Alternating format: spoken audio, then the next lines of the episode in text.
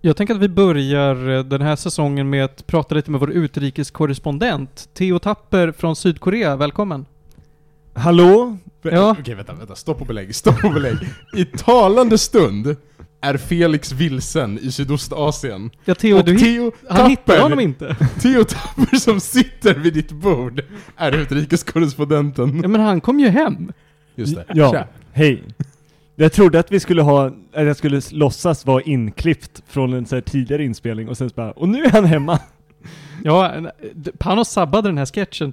Jag tänkte, jag tänkte inte att det skulle vara en sketch kanske, men, men du, började, du tog det som det. Ja, jag, jag, jag tog den på volym. Det var jättebra. Okej, men, men strunta i mig och så kör ni om. Okej. Börja En gång Ja. till. Men jag vet inte om jag kommer in i den rösten. Ja. Jo men det gör det. Ta av, vad heter det, ta av eh, eh, blåsskyddet på micken så att det låter, Ja. så att det låter som korrespondens. Ja. Jag tänker att vi börjar den här säsongen med att prata lite med vår Asien-korrespondent, Theo Tapper från Sydkorea. Välkommen! ja, hallå? Ja, hej. Har du hittat Felix?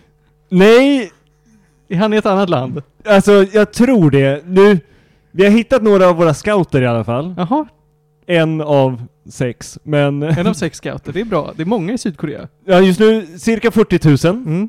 Vi har åkt hela landet runt, jag och min kära scoutkollega, och är lite vilse med flit.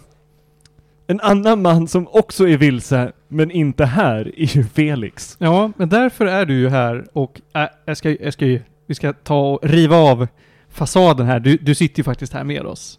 Jag, jag har kommit hem. Ja, du var här hela tiden. Ja. Jag kommer absolut ha med den falska starten här. Okej. ja, det var du fan. ja. Du är här och värmer en stol. Det är jättebra. Vad, hur var Sydkorea?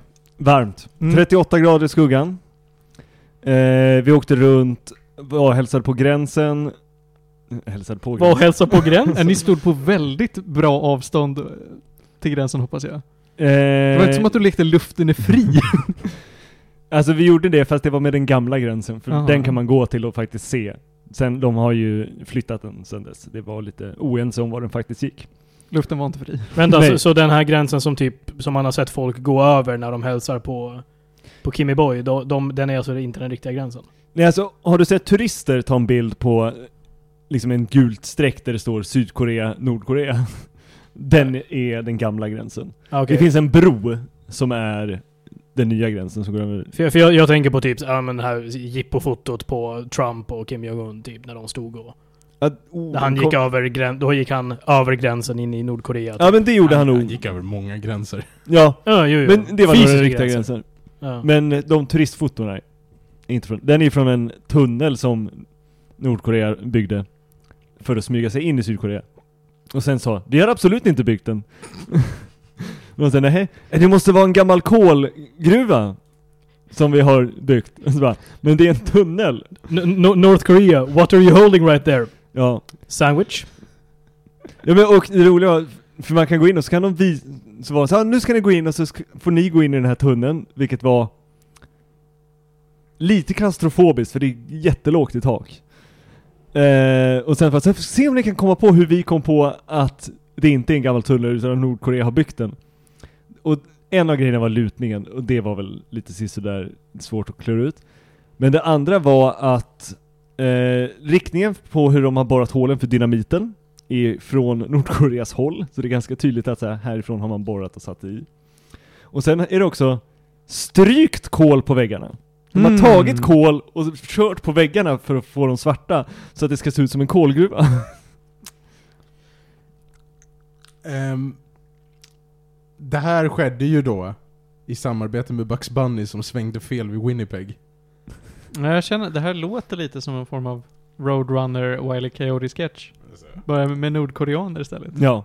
Något som var sjukt där dock var, alltså, hur mycket miner det fortfarande är där. För de var såhär, nej men ni får inte gå på gräsmattorna. Om det inte står att man får gå på dem.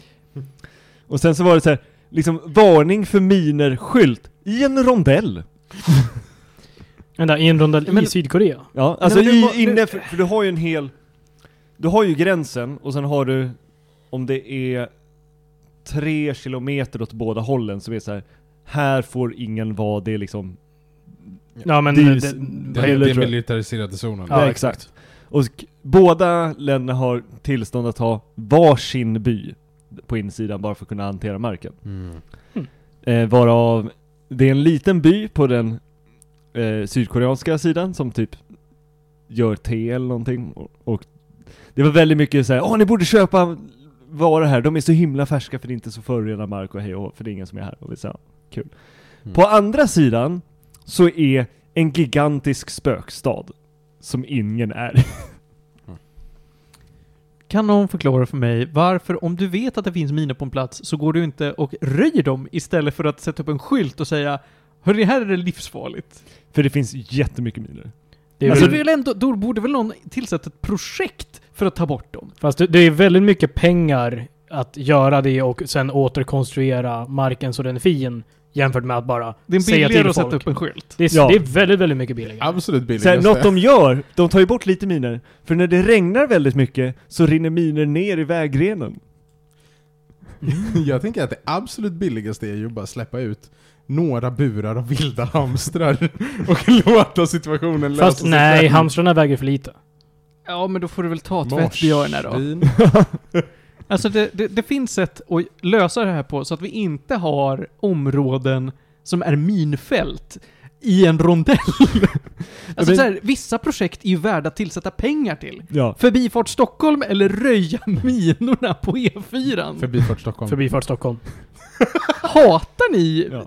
Minor? säkerhet?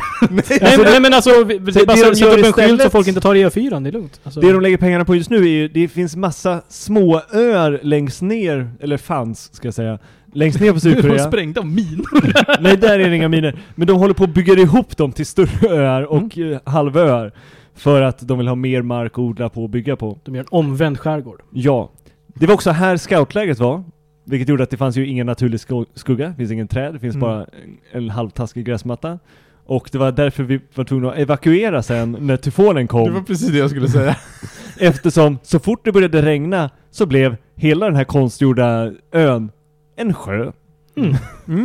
Jag, jag höll på att säga det. Det var så jävla roligt när tyfonvarningarna kom.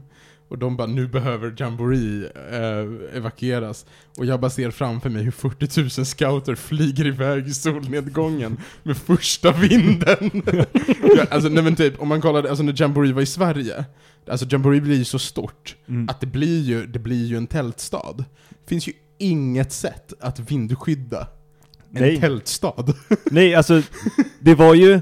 De stängde ju av en motorväg till Seoul från det här området. Och så var det en karavan av bussar. Alltså det är bara, det, står, det är stillastående trafikkö av bara busslast med scouter. Ja. Har du bilder på det här? Eh, man kan hitta dem på VSJ23 Korea Swedish Contingent på Instagram bland annat. Bra. Jag tänker nästan vi sätter lite P, en liten, en liten punkt på diskussionen där. Ja, För det, jag känner att vi har täckt din Korearesa väldigt väl. jag tror det. God mat, mycket kött. Och här Mm. kommer man- introt. Nej men nu, nu, stopp! Men man äter med sax! Det är konstigt! Ja okej, okej. Sax får man äta med, sen kommer introt.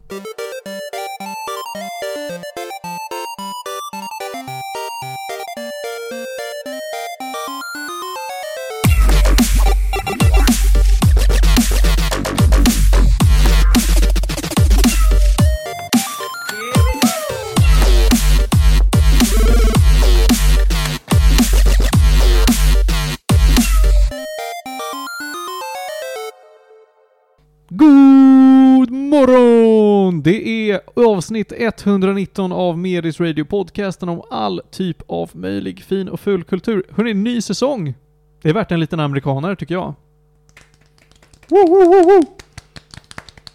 Här i studion så har vi hela originalpanelen, eller jag menar... Nej, det är bara du och jag Panos.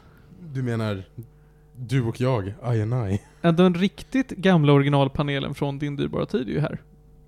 För det är ju du och jag. Ja, för vi har inget bättre för oss. Panos, du är här. Panos Tetufexis, välkommen. Ja, tack. Ludvig Lundberg sitter mitt emot mig. Det gör jag. Du värmer stolar som en kung. Ja, det är en väldigt stor röv.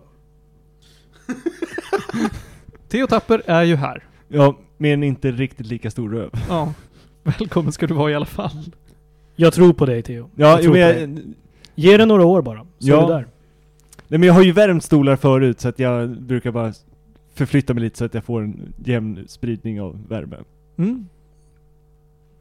Jag ser framför mig hur du roterar, alltså, roterar lite på stolen med alltså, någon form av eh, höftrörelser så får stolen att rulla på något sätt men du är kvar på samma plats. Ja, nej men alltså det är lite rumba över det hela. Ja, något sånt. Det kan du träna på medan vi andra pratar om kultur. Ja! Nej men för det har ju skett kultur i världen. Ja, visst har det det. Här har vi dagordningen, kommer i ett eh, nafs. Baldur's Gate 3. Ja. Det har du börjat spela, inte Ja. blivit klar med. Nej. Det är svårt att bli klar med det, det är ganska långt. Det... Beroende på hur, alltså du kan ju... Jag har sett speedrun på 10 minuter. Exakt, alltså det går ju att komma till något form av slut väldigt fort om man vill. Men eh, jag vet inte om det är en full upplevelse. Nej. Ja, jag, jag funderar ibland när jag går och lägger mig på om jag verkligen har upplevt hela Fallout 1 när jag följt speedrun-metoderna. Men så kom jag på att men jag lyckades ju inte speedrunna ordentligt, så jag var tvungen att då och då gå och spela spelet för att kunna speedrunna det. Ja. Eh, Så jag kanske har fått det i alla fall då. Men du håller ju inte på att försöka eh, springa snabbt genom spelet, utan du, du njuter. Jag, jag, jag snubblar runt och har äventyr. Är du klar med första akten? Eh, jag trodde jag var det och sen visade det sig att jag inte var det. Okej. Men jag är väldigt nära. Jag ska prata om ett annat extremt långt spel. Mhm. Death Stranding ska jag prata om hörni. Oh boy. Mm. Ja, visst, det ska bli faktiskt för min del dubbel Norman Reedus idag. För jag har både Death Stranding och lite senare i programmet så ska jag prata om AMC's The Walking Dead TV-serien. Och i, så innan vi fortsätter vill vi då tacka dagens sponsor, Norman Reed. Han är... Ja, det är ja, vi är sponsrade av Rides with Norman Reedus. Det här programmet han hör där han pratar om motorcyklar. Ja? Eh, kan ni titta på. Går väl någonstans på ABC eller något. Ludvig, du ska prata om Love and Death. Det är också en serie. Det är en serie. Vart går den? Är det Netflix? Det är eh, HBO faktiskt. HBO Eller Max Nordica. som det nu heter.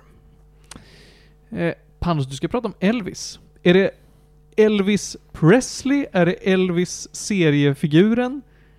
Är det Elvis Costello? Eller kan det vara? Nej. Nej, Abbott and Costello. Heter han Elvis Costello? Jag vet Eller inte. någon annan? Nej. Va? Vem är det du... Vem ska du prata om? Jag ska prata om eh, filmen om Elvis. Okej. Som släpptes för värre för ett par år sedan. Med bland annat Tom Det är väl bara ett år Jag sedan. tror att den är hyfsat ny fortfarande. Förra året va? Ja. Ja, mm, ja, Han var, väl, han var väl nominerad till Oscars för det här året. Och Tom Hanks det? Nej, eh, Han som spelar Elvis. Han som spelar Elvis. Ja. ja, men det är rimligt. Ja, den ska Den har jag sett. Den ska jag prata om. Och du ska också prata om The Bear. Det är Ja. Disney+. Plus. Ja, den har jag också sett. Den har eh, fått en ny säsong jättenyligen. Ja, säsong två släpptes precis alldeles nyss. Ja, den är inte klar va? Utan den är Jo. bara... Säsong två släppts. Ja men Disney Plus släpper väl inte hela ett svep? Hela säsongen är klar. Den är släppt. Okej, Jag har sett hela säsongen. då så. Mm, mm, mm. Är Matty Matthewson med i den? Oh ja. Spelar han en roll eller spelar han typ sig själv? Spelar sig själv. Spelar han ac- actually sig själv? Nej, Men han... Ja, han spelar typ sig själv. jag fattar. Vi kommer till det. Vi kommer till det. Hörrni, där har vi hela dagordningen. Eh, men innan vi kör vidare, då, då så ska jag ta ett litet lyssnarbrev. Eh, för att nu, nu har det ju gått, för er som lyssnar har det inte gått någon tid alls. Eh, men för oss som spelar in det här, nu idag så är det den 16 augusti 2023. Vi har haft ett uppehåll på eh, flera månader nu. Eh, så under den tiden så har det ju ramlat in ett mail. det är från Jennifer. Jennifer skriver så här, Hej Medis Radio. Hej Jennifer. Hej Jennifer. Hur kommer det sig att ni aldrig recenserade säsong 3 av The Owl House? Jag vill höra vad ni tycker. Hälsningar Jennifer. Ja, Jennifer, så här ligger det till. Eh, säsong 3 av The Owl House var inte så bra. Så därför så pratade vi inte om den. Oj, jag hade inte hunnit så långt. Tack för den.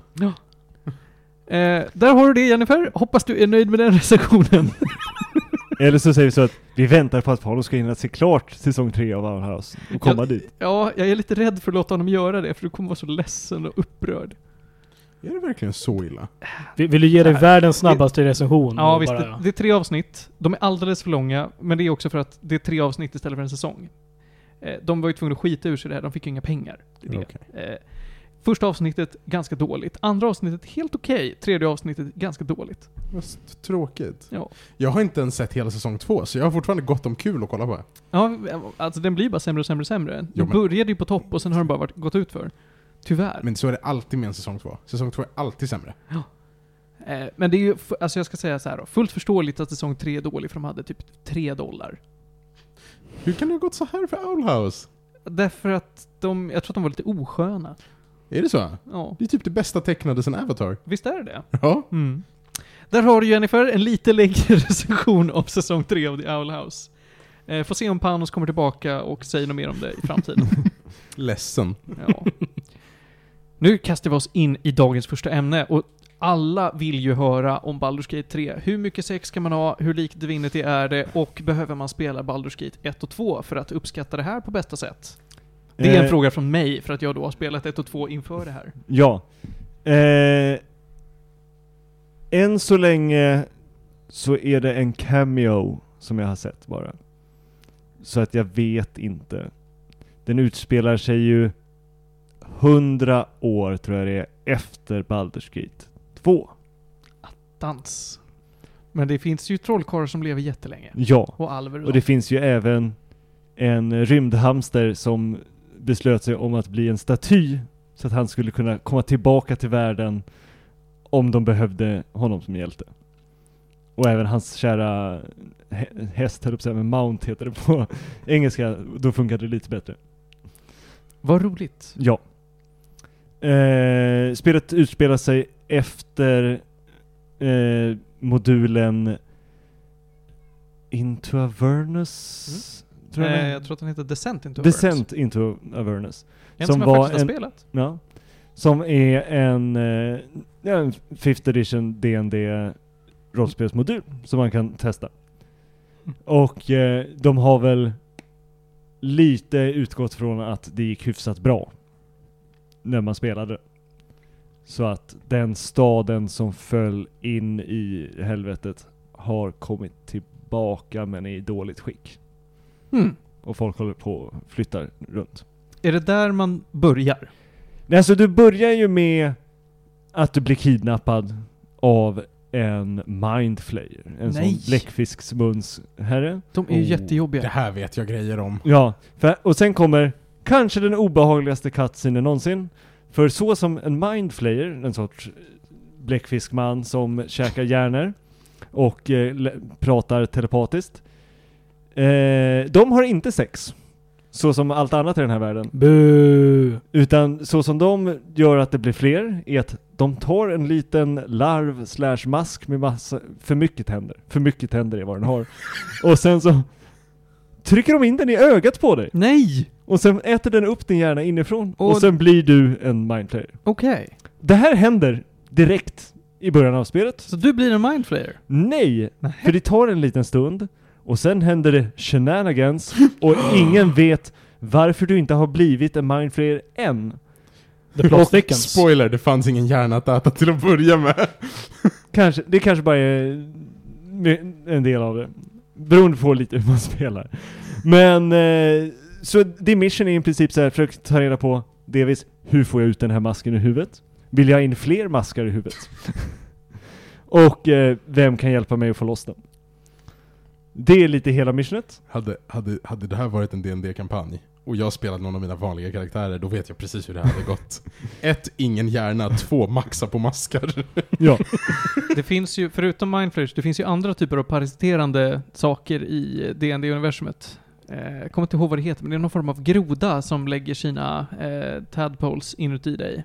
Och det är jättedålig stämning och ifall det händer, för eh, ja, beroende på vilken modul du spelar så kanske det är olika lätt att hitta någon som vet hur man får ut parasiter ur. K- Kan jag som total noob bara få ställa frågan, är Baldur's Gate baserat på D&D Ja. story i allmänhet? Eller gäller det även för de tidigare spelen då? Den, de använder ju, alltså Baldur's Gate, En stad i dd-världen. ja. Mm, okej. I Faerun, i, det är liksom ett område som heter The Sword Coast, Ja. tror jag, om Mm. jag kommer ihåg rätt. Och de två första spelen utspelar sig, det här spelet utspelar sig också där. Så det är liksom, det använder D&D liksom regelverket som grund för spelmekaniken. De har ändrat lite grejer för att få det... Och funkar som ett tv-spel. Ja. Mm. Men det är, det är turn-based. Eh, när du är i combat, du kan gå runt och det är skill checks och du kan se tärningskasten Mm. och liksom påverka dem. Och det är ganska roligt. Med all world building och sånt i det. Ja. Ja, jo. Mm. Och eh, ja, man knatar runt, man kan prata med det mesta och det finns... Det som gör det här spelet väldigt roligt är ju att de har tänkt på så mycket. Alltså det finns så, du kan prata med väldigt många och du kan lösa många problem på väldigt många olika sätt. Mhm. Allt från att säga, ah nej men... Eh, har vi ett exempel? Den här stan, vi kommer till en liten by, det finns druider där. De ska försöka hjälpa mig. Ska jag... Överste druiden verkar vara borta. Ska jag gå och leta upp honom? För han kanske har lite information om hur jag får ut den här äh, infektionen. Ska jag... De verkar vara i bråk med någon annan. Ska jag bara döda druiderna här? Och bara se om jag kan... Hjälper det mig på något sätt? Sen så kommer det senare, spoilers, det får ett annat, en anledning till att döda dem på flera olika ställen, men ibland säger det så här, "Ah, jag råkade döda dem i förväg, det var ju trevligt för mig. Beroende lite på hur mycket en arsel man är. Men också att man kan vara ett riktigt jävla arsel om man vill. Och spelet bara, det är fine. Är spelet fine med det som i att den ingen verkar bry sig om att du är ett arsel? Nej! Framför Folk, dem- folk blir oerhört Mm. upprörda in-game, men du kan fortfarande, det är fortfarande progressible. Du Ja, kan det, fortsätta... det, det är inte en fail mechanic att Nej. vara ett arsel, så att säga. Nej. Det, det här är ju ett eh, CRPG som är gjort av Larian Studios. Ja. Det vill säga de som har jobbat med Divinity-spelen. Ja. Eh, hur mycket känns det som Divinity och hur mycket känns det som ett steg... Alltså hur, hur mycket Baldur's Gate jämfört med Divinity känns det som?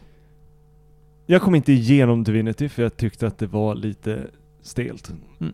Eh, och grundskelettet har de ju därifrån. Men jag tror att implementationen av eh, Dungeons and Dragon regelsättet och lyfta fram lite mer tärningskast och liksom, eller det fanns en del tärningskast i det också, men jag vet, det kanske bara är att jag är mer bekväm med den rollspelsgrejen. Men, eller med det rollspelssystemet heter det. Men eh, jag tycker det funkar mycket bättre och flyter på bättre. För att det som kändes i Divinity var att combaten var väl, liksom, alla de fighterna kändes väl designade. Men själva storyn i sig, det som skulle knyta ihop det, var inte särskilt gripande. Mm. Här har jag fortfarande väldigt intressanta combat encounters som är designade för mig.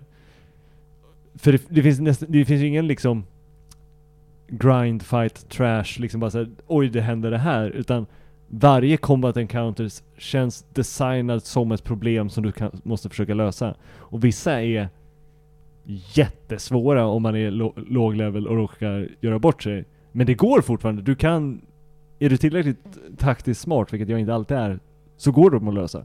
Och ibland så bara såhär, nej men jag springer upp på ett högt hus och försöker knuffa ner alla som klättrar upp. För, för de kan inte... Ja. Man kan komma runt vissa problem med lite fulingar. Men du, man känner sig också ganska smart när man puttar någon av en hög av ett hus.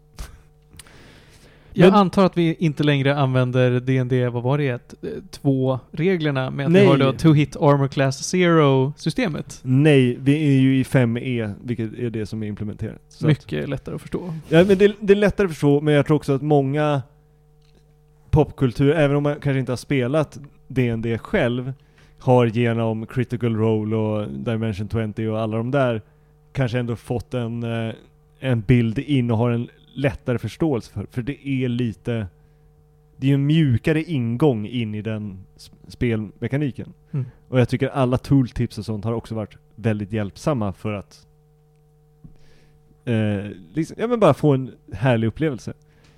Sen, jag rekommenderar bara att man sparar ibland. Ganska ofta. För ibland skiter det sig.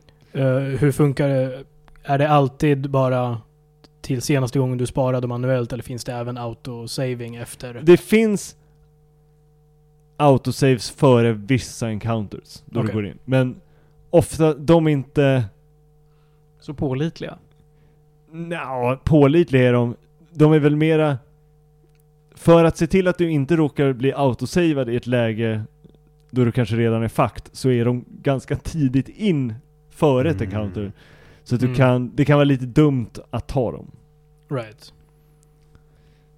För, för ju, just när, när det är tärningsslag och så vidare som till, som till viss Ja. del bestämmer ut, utkomsten av... Så funderar jag, alltså, är det, har de gjort något för att förhindra liksom save scumming i Nej. spelet? Det Eh, bara... i, i, inte, det kan finnas någon mode, men jag tror inte det. Mm. Det är lite upp till en själv tror jag. Ja. Så att i vissa lägen blir man så här.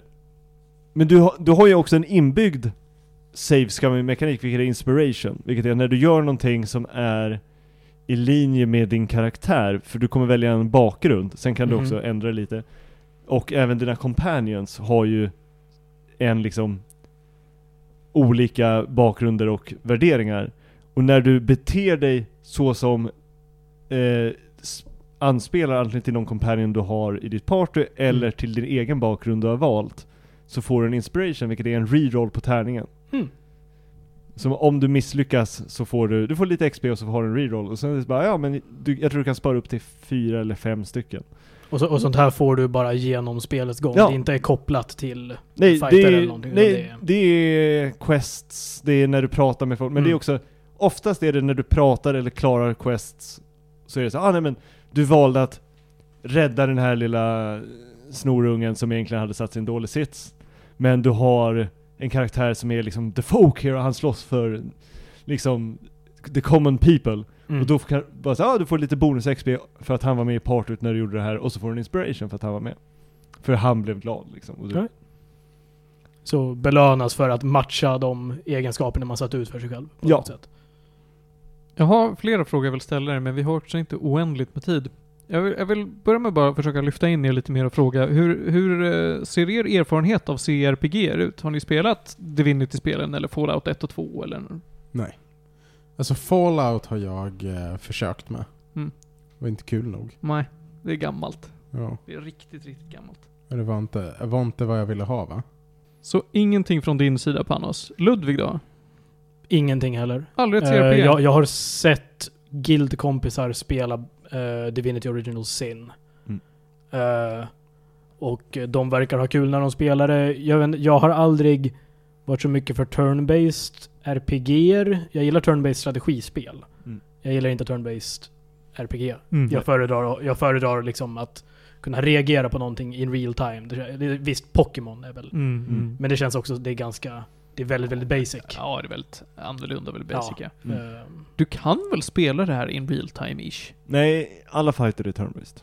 Säger du det? Mm. Ettan och tvåan kan du spela real time. Är inte Ja. ettan och tvåan, rätta mig om jag har För när du fel går Jag tolkade det som att Baldur's Gate 3 var producerad av en annan studio. Jo, Ja. jo absolut. absolut. Jag, jag bara ser det som en, samma del i en serie. Ja. Mm. ja för Del i samma serie, förlåt. De har ju ändå hämtat in och liksom baserat spelet, även om de har flyttat fram tidslinjen på Ja. de tidigare spelen. Ja. Speciellt genom att bara ta namnet och sätta en trea på det. Så måste man väl göra lite sånt. Nej men så fort du går in i combat så blir det turn-based. Okej. Så som om det vore eh, tabletop-varianten. Mm, okej. Men när du springer runt, då är det ju inte, då är det bara exploration mode liksom. Du kan välja gå in i turn-based mode, eh, turn-based mode när du bara springer runt om det är någon typ Ja men det kan vara någon eh, environmental grej eller, alltså det finns någonting som du vill Fällor och tajma. sånt. Jaha, okej. Ja, ja, fällor, då går man bara långsamt. Men det kan vara så ja ah, det finns en environmental eh, turret liksom som någon har byggt. Så, så här, när du går nära så skjuter den. Och det är så ja ah, men jag skulle vilja försöka springa nära och kanske den är baserad på magi så jag vill springa nära för jag har en blomma som suger åt sig magi som gör att den slutar fungera. Mm. Istället för att då försöka lite frenetiskt klicka runt och komma nära och ta upp meny menyerna och liksom Ja, så. jo. Så bara, ah, ja men okej, jag sätter på turn-based mode, jag går fram, den skjuter en gång på mig, sen blir det min tur igen, jag går fram, Mm, placerar, okej. eller så kan jag gå så här, jag går härifrån hit så jag står bakom en pelare Min tur är klar, den skjuter, den kan Mm. inte se mig, jag går vidare Och det är väl mest bara för att undvika att säga, ah, nej men nu hände en grej och jag blev fucked För att det händer för mycket saker samtidigt Mm. För det kan hända Mm. Typ, jag råkade tända eld på den här grejen som var lite för nära den här gasgrejen och då tappade någon annan snubbe en gasbomb så nu brinner hela skärmen och jag vet inte vad jag ska göra och hjälp. Låt mig reloada. det har hänt. Det här har jag fått höra av väldigt många ska vara någon form av Game of the Year. Det är otroligt. Guds gåva till folket. Vad tror du att det baserar sig på? Men det är väl också ett, för det var länge sedan det var ett sånt här typ av spel som var riktigt bra.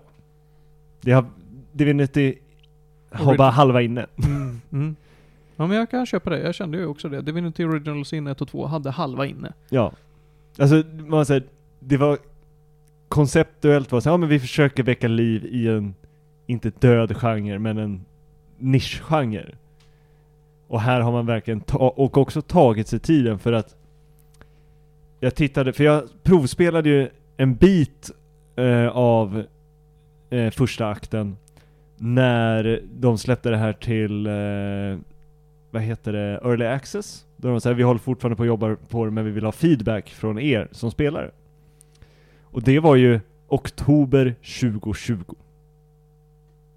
Och sen dess, de har lagt till uppdateringar men allting har varit, och jag spelade bara precis när det var färskt och sen var det såhär. det här verkar okej, jag avvaktar tills jag får höra hur det, liksom långt ner i pipen. För jag vill inte spoila mig själv, men vill också inte köpa någonting dåligt utan jag testade, det jag såg verkade bra, verkar folk tycka om det kommer jag nog spela det då. Mm. Och de har ändå tagit tre år på sig och liksom, för då var det ändå ganska mycket av spelet och grundbitarna klara. Men de tog tre år på sig att fixa klart resten och att eh, lyssna på feedback och fixa till den biten också. Vilket, vilket syns. Vilket är roligt. Ja, ja, för, alltså jag har så många följdfrågor på det. Eh, vi kan väl börja med, hur tänker vi kring det monetärt då? För de här är ju en studio som både producerar och publicerar sitt eget spel. Det betyder Mm. att de kan ta lite så lång tid på sig som de vill. Men det kostar ju jättemycket pengar. Att lägga tre år på att putsa ett spel genererar ju inga pengar. Nej, nu, de putsade väl inte bara, för jag misstänker Nej. att de gjorde väl klart akt två och tre. Mm. Och det var ju klasser som saknades och sånt där. Man har ju fått mycket kritik av andra utvecklare på att säga ja, nej men det här är, så här kan man inte ha det. Vi Nej. skulle aldrig kunna göra så här. Nej, Och då kan vi skylla det mycket på att ja, men de som sätter press på utvecklare, det är ju de som publicerar det. För Ja. att det är de som bryr sig om pengarna. ja. Eh, hur tror du eh, att det här har gått till? Alltså, s- dels investmentbolag och liksom publishers och liksom hela den biten. De kommer ju alltid vilja pengar de lägger in vill de ha ett ganska tydligt datum på att vi har investerat så här mycket pengar, när får vi våran return på det? Och ha en sån här flytande deadline är ju knepigt. Men om det här spelet fortsätter att få så mycket praise som det har fått och folk är glada och nöjda med det så kanske det kommer öppna upp lite för att andra vågar ge folk tiden att bli klara. För det finns så många exempel på där folk har kastat ut spelet för snabbt och det har sålt bra precis innan folk har fått höra att det inte är riktigt färdigt. Och sen blir det massa, de tappar för folk lämnar tillbaka spelen och trade-ins. Cyberpunk Mm, Ja. mm. är nog ett väldigt bra exempel på det. Ja, Mm. jo men och de... De... Definitivt jättehög hype. Alla var, trodde det skulle bli väldigt bra och sen så släppte de det och oj, det här var ju inte färdigt alls. Nej, Nej. nej. Och det var en, en studio som folk hade väldigt mycket respekt för. Det var liksom inte EA eller Ubisoft Nej, som man precis. hade kunnat förvänta sig. Det var också en de- studie som både producerade och publicerade. Mm. Ja, men skillnaden, men de har ju gjort samma grej med alla sina spel innan. Då releasen så är spelet inte helt färdigt och sen, och sen kommer en jättefin patch och så löser det sig. För det har de gjort med, de byggde ju om hela Witcher 2. Ja. Vilket det märks, alltså det är som natt och dag Ja. i The Witcher 2. Men, eh, så att jag, jag, jag tror att det var bara, de hade blivit så pass stora att folk trodde att de inte skulle göra det. men, och Cyberpunk har ju, de fick ju istället kämpa tillbaka men har nu fått tillbaka ganska många av dem de tappade. Mm. Men det var ju också att de var tvungna att lägga den tiden och, och investera och visa för sina fans att nej men vi hör er, vi fortsätter jobba, här kommer den här patchen, vi har liksom transparenta med det här är de stegen vi har att göra. Vilket så gör ju inte många andra större som svarar till publishinghus. De är ju bara såhär, ja ah, nej men eh, ni får så här lång tid på er, sen slutar vi all utveckling på det här spelet, så får ni hoppa på nästa för den här är död för oss. Jag tänker på tre stora giganter såsom DICE och EA, eh, Ubisoft och whatever nissar som jobbar på vilket Assassin's Creed eller vilket eh, Watch Dogs det nu kan vara. Ja. Men de, Mm. de har problem med alla sina sådana. Och sen eh, Blizzard Entertainment. Ja. Mm. EA är ju de som är Blizzard. störst på det här med att bara släppa spel som verkar inte gå så bra. Skurkar är vad jag brukar kalla EA. Ja. Men, men. EA gör, alltså, tjänar ju också mest av sina pengar på att bara släppa reskins. Mm. Det är ju liksom Nintendo deluxe. Mm. Mm, ja. Eh, men eh, som... Eh, jag är väldigt positiv till mitt för... Liksom, min förrätt av Baldur's Gate som jag har tagit mig an. Så vi får se om jag återkommer när jag har spelat igenom det kanske både en och två gånger. Men vad roligt. Jag hoppas att alla som funderar på det har fått ut tillräckligt mycket av för att veta vad de ska göra härnäst. Ja. Tack så mycket för den. Hörni, och vi ja, ska... man kan ha sex med en björn. Just det! Just det! Har jag läst om. Jag har bara läst om, jag har bara läst om. Nej, vi släpper det. Ja. Alltså, om jag hade velat ha sex med en björn, då hade jag bara loggat in på Grindr. Så hade de funnits Mm. där. En mass. Mm. Men är inte den här björnen också en shapeshiftad druid? Eh, jo. Ja. Ja, då Så finns det- någon annan dating app där jag kan få det. Ja. Ja, men precis. Shapeshifter. Jag tror att också om ni Nej. båda är djur, så kan, eller båda är druider, kan ni båda välja att vara djur. Och, alltså det är... Ja, men då går jag till Rainforest. Du ser, jag har svar på allt. Ja. Jag vet var, vart jag kan vända mig. Hörrni ni, nu så ska vi ta oss från eh, någonting stort till någonting annat stort. Och nu blir det komplicerat, för att nu ska vi besöka herr Kojima. Ja, herregud. Vi ska prata om Death Stranding. Hur mycket kan ni två om Death Stranding? För jag vet att du har tittat på en story-summering och kanske lite playthrough. Ja. Jag, hmm, vad jag vet om Death Stranding är att det är eh, Post Office The Simulator. Mm. Där må, många av de stora katastroferna går ut på att man snubblar på stenar. Det finns en bebis. Det är Jag, bra. jag, har, jag har sett typ så här en episod av en playthrough. Och jag har typ också typ hört lite det som Panos säger det här med att ja, det är ju väldigt lite egentligen som händer. Utan man ska bara, man ska bara ta in storyn, I guess. Absolut. Och det är Ja, men- ungefär det. Och atmosfären. Ja. Ja men alltså, min summering var och, från det lilla jag har upplevt och kollat upp och från eh, hur jag vet Kojima har varit med sina tidigare spel. Då han är väldigt så actionfilms liksom inspirerad och det är James Bond och hela den om man kollar till eh, Metal Gear och de där. Mm. Så jag tror att han bara såg The Postman från 1997 med Kevin Costner och var såhär, du det här. En, en brevbärare i en värld som håller på att gå under. Det låter fett. Ja. Vi gör det. Norman Reedus, har du... Ja, du, du är klar med The Walking Dead. då har jag en grej till dig. Han var inte klar med The Walking Dead då, tror jag. Nej. Men han är ganska lik Kevin Costner. Ja. Nej, det, Nej. Nej, alltså inte utseendemässigt men i Sättet i, i sättet har de hyfsat lik. Låt en mig... liknande charm skulle jag säga. Ja. Låt mig ta en liten stund till att försöka förklara en bit av Death Stranding. Bara sätta sig in. För skulle jag förklara allt i den här världen, han, han tänker ju mycket på worldbuilding den här herren. Skulle jag förklara för mycket, då skulle vi bli här hela dagen, och det vill vi inte. Vi befinner oss i en alternativ framtid, där en form av katastrof har hett som kallas för en stranding, eller en death stranding. I mångt och mycket går det ut på att de, världen av, som vi lever i, där, med betoning på lever i, har lite kraschat med världen av de döda, så att det finns någon sorts brygga mellan levande och död värld. Eh, det yttrar sig i att osynliga monster ibland kan dyka in i vår värld och ställa till problem.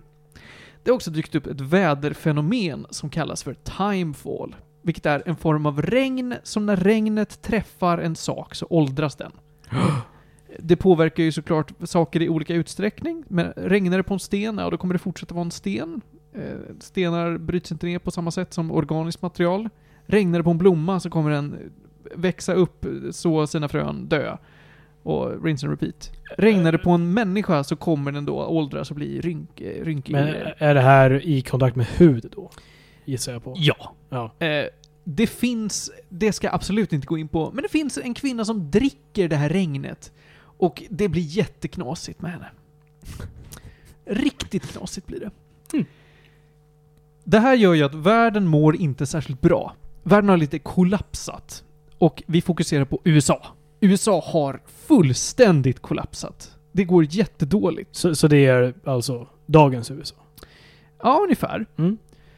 Världen har lite gått ner till att ja, men vi bor under marken i jättestora bunkrar, eller underjordiska städer. Där, där kan vi hänga. Eh, för där kan inte det här regnet träffa oss. Och de här monstren kommer inte in. Förutom ifall en person dör. För att varje gång någon dör så kan det, eh, de bli till ett sånt här monster från andra sidan. För att det här med världen med de levande och döda. Görs det någon slags liknelse till kärnvapenkrig här? För det här känns Ja. väldigt mycket som en... Ja, visst gör det det. Ja. De pratar mycket om kärnvapenkrig, de pratar mycket om, om eh, arms race och dessutom så när en person blir ett monster så eh, nukas platsen. Alltså det, Ah. det blir krater. Det är så mycket som jag kan säga om, ja men så här, det har lett fram till världen vi har idag. Hur ser det ut då? Jo, det är mycket, det är fan mycket berg och grönska. Mycket floder. Det, är, det finns ju ingen bebyggelse på så sätt för att allt är under marken. När man går runt i den här världen så får man inte se så mycket av de här städerna alls. Man får gå in i lite rum här och var, men du kan aldrig gå runt i en stad. Utan spelet utspelar sig verkligen ovanför ytan. Mm. Du spelar som Norman Reedus, eller Sam Bridges, eller Sam Porter Bridges, eller Sam Strand. Han har många namn. Väldigt mycket Hirojima över de där namnen också. Kojima. Kojima. Ja. Jag vet inte varför jag- Hiroshima. Hiroshima. Hiroshima, exakt. Eh, han är en speciell typ. Han eh, kan delvis känna av de här un- eh, döda monstren eh, som kallas för... kallas de för? Eh, bridged thing, beached things. Jag ska inte förklara varför de heter så. Eh, han kan känna av det. Han är också... Han kan inte dö. Eh, dör han så... På något sätt återupplivas han. Så är det Mm. bara. Eh, och han har ett väldigt trevligt jobb som brevbärare. Han får ett uppdrag av USAs president, eller det som ska då bli the United Cities of America, den, den presidenten. Att, vet du vad? Ta de här USB-minnena och gå till olika städer och koppla in dem på, till vårt nya internet. Eh, och på vägen leverera paket. Det här gör du och shenanigans händer på vägen och massa lore och massa terrorism och grejer. Du Men där har träffar vi. Mads Mikkelsen. Du träffar Mads Mikkelsen eh, ett Oh. helt gäng gånger. Spelar han en rysk skurk igen? Nej, han är väldigt amerikansk, den skurken. Ja. Men han är fortfarande skurk. Han är skurken. Ja. Han, han, är, han är en av huvudskurkarna, Mm. Mads Mikkelsen. Du Och träffar också Guillermo del Toro. Du träffar Conan O'Brien. Eh, Du, vänta, du, du träffar regissören Guillermo del Toro? ja, Ja. han spelar en av huvudrollerna. Eh, men han spelar inte sig själv. Nej. Jag visste inte att han gjorde skådespelarinsatser. Han är lite kompis med Kojima. Han spelar karaktären Deadman. Eh, och sen är det ju Lea Seydoux. Ja, hon är ju en så här spelare i svår filmskådis. Ja. Och... Inte Eh, jättekänd ändå. nej, smal. Men, eh, alltså publik så. Mm. Men vissa av oss vet vem hon är. Eh, men hon spelar också i väldigt klassisk Kojima en karaktär som heter Fragile. Och hon har sin egen catchphrase som säger I am fragile, but not, not that fragile. Eh, hon är din, alltså hon är typ din kompis. Hon har ett rivaliserande postnätverk. Eh. Oj! Hon jobbar för Fedex. ja men typ. Spelet går alltså ut på att du går mellan olika städer och olika hus och levererar paket. Du plockar upp paket, lägger dem på ryggen, på armarna, på benen. Du har väldigt, väldigt intrikat sätt att hålla paket på din kropp. Och så ska du traska. Eller åka bil. Eller åka eh, linbana. Eller åka motorcykel. Ooh. Och det ska de ha. Nu ska vi prata om eh, det här spelet i, i vad det är som du faktiskt gör när du spelar här. Det, det va, mm. Jag blir för exalterad, ursäkta. Jag är inne på mitt 800 spel just nu. Jag kommer bli klar med det imorgon. Det betyder att jag är väldigt desensitized till spel.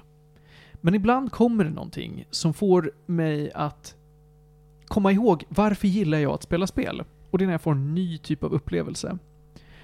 Och jag säger inte att Death Stranding är ett bra spel, för det är det inte. Men jag säger att Spoiler. det finns inget spel som Death Stranding. Och det är lite nice. Det är fräscht. Jag har roligt när jag spelar det, för det finns stunder av kul i det. Eh, sen vad som är bra och inte, det, det, det kommer vi till.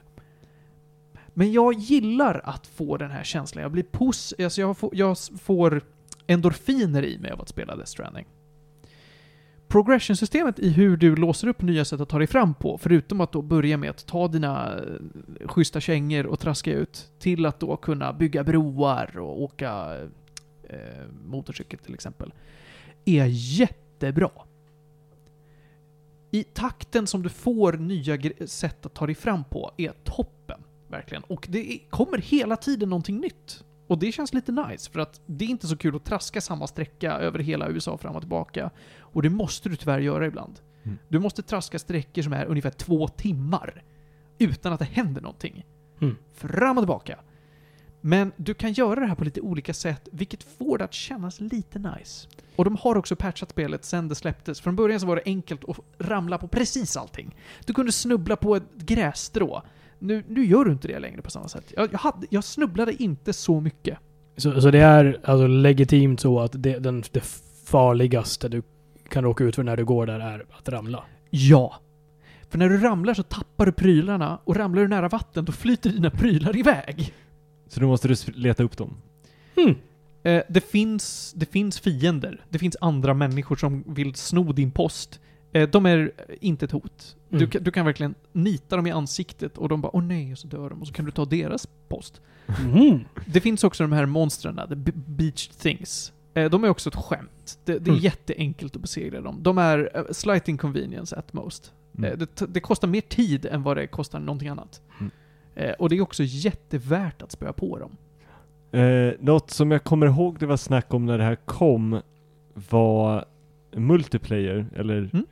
Inte riktigt multiplayer men en, eh, vad ska jag säga, samarbetsgrej online var att när folk, om du är kopplad mot nätet, om folk går vissa sträckor ofta, alltså med sin Norman Readers, Mm.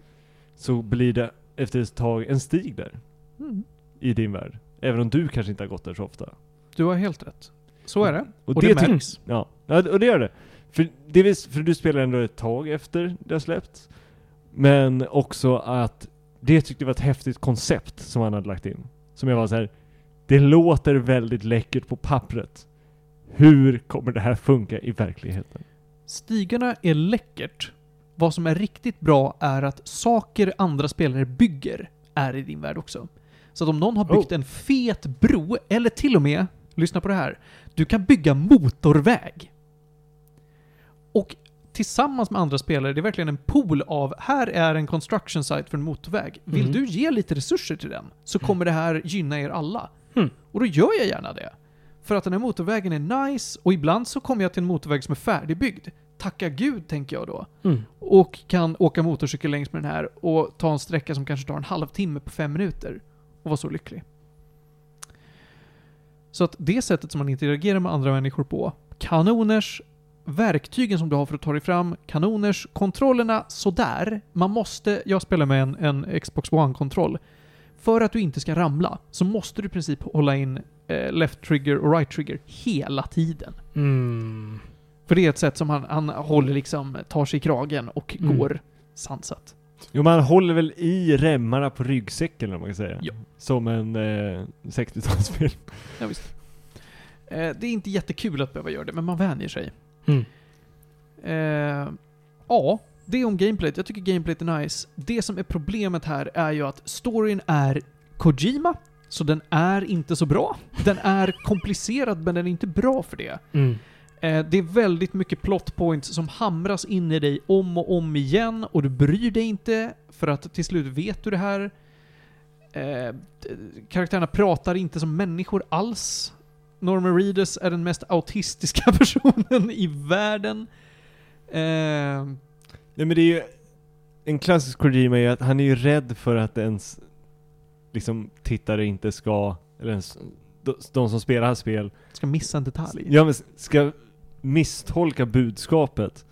Så att oftast hamras det in stenhårt och sen så, vilket ofta gör att andra intressanta delar av storyn tappas och bara blir så här, kommer från ingenstans.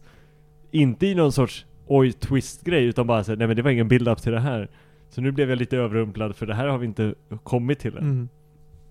Visst, visst Så det så. blir, ibland blir det lite mera nu kommer allting på en gång lore dumps och man blir förvirrad och sen så är vissa grejer bara så här, det här har ni sagt 18 gånger redan, kan vi släppa det? Mm.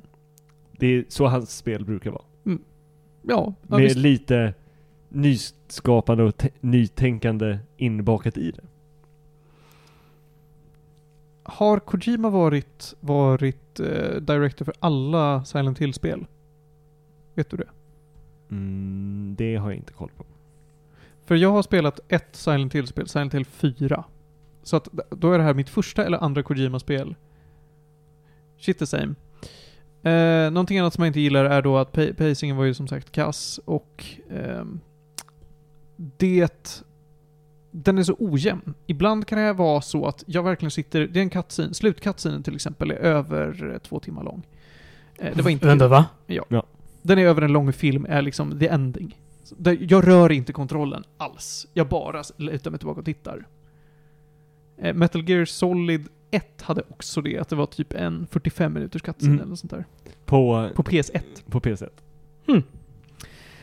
Eh, och det är ju inte så kul. Jag gillar ju inte att det är en två timmars lång cutscene, för att den är tråkig. Mm. Eh, den är bara det. Men samtidigt så har det varit så att jag har gått den här sträckan till exempel som jag pratade om, att "Nej, men nu skulle jag gå över hela USA två timmar och kan inte göra någonting. Då hade jag jättegärna haft folk som småpratade lite under tiden.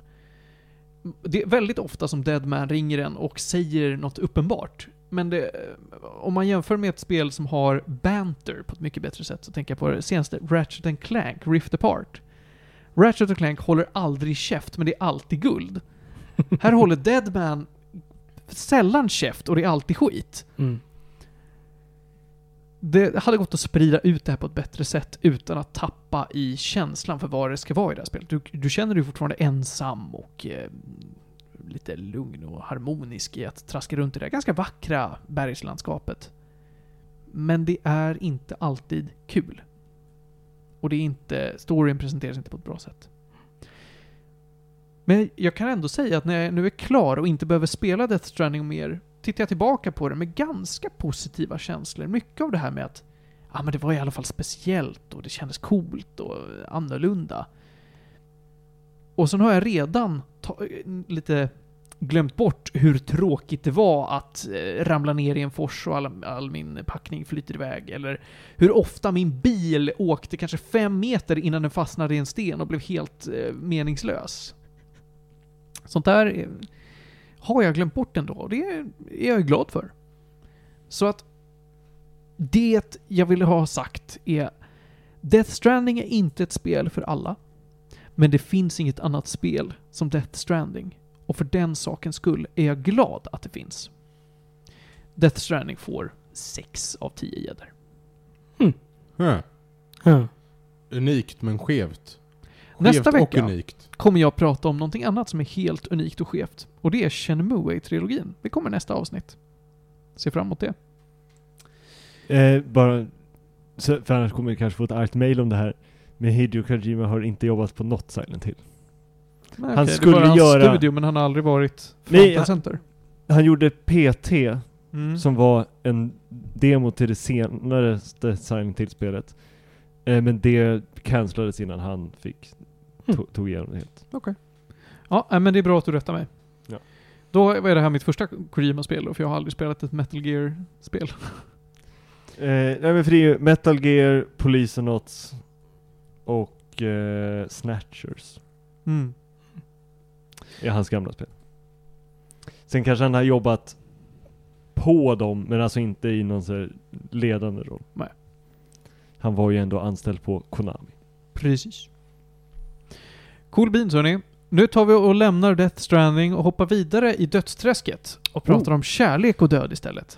Ludvig, Det, det fanns ett tema här. Mm. vi är på eh, HBO och Vi pratar är, om vi Love är and Death. på Max. Vad är Love and Death för en serie?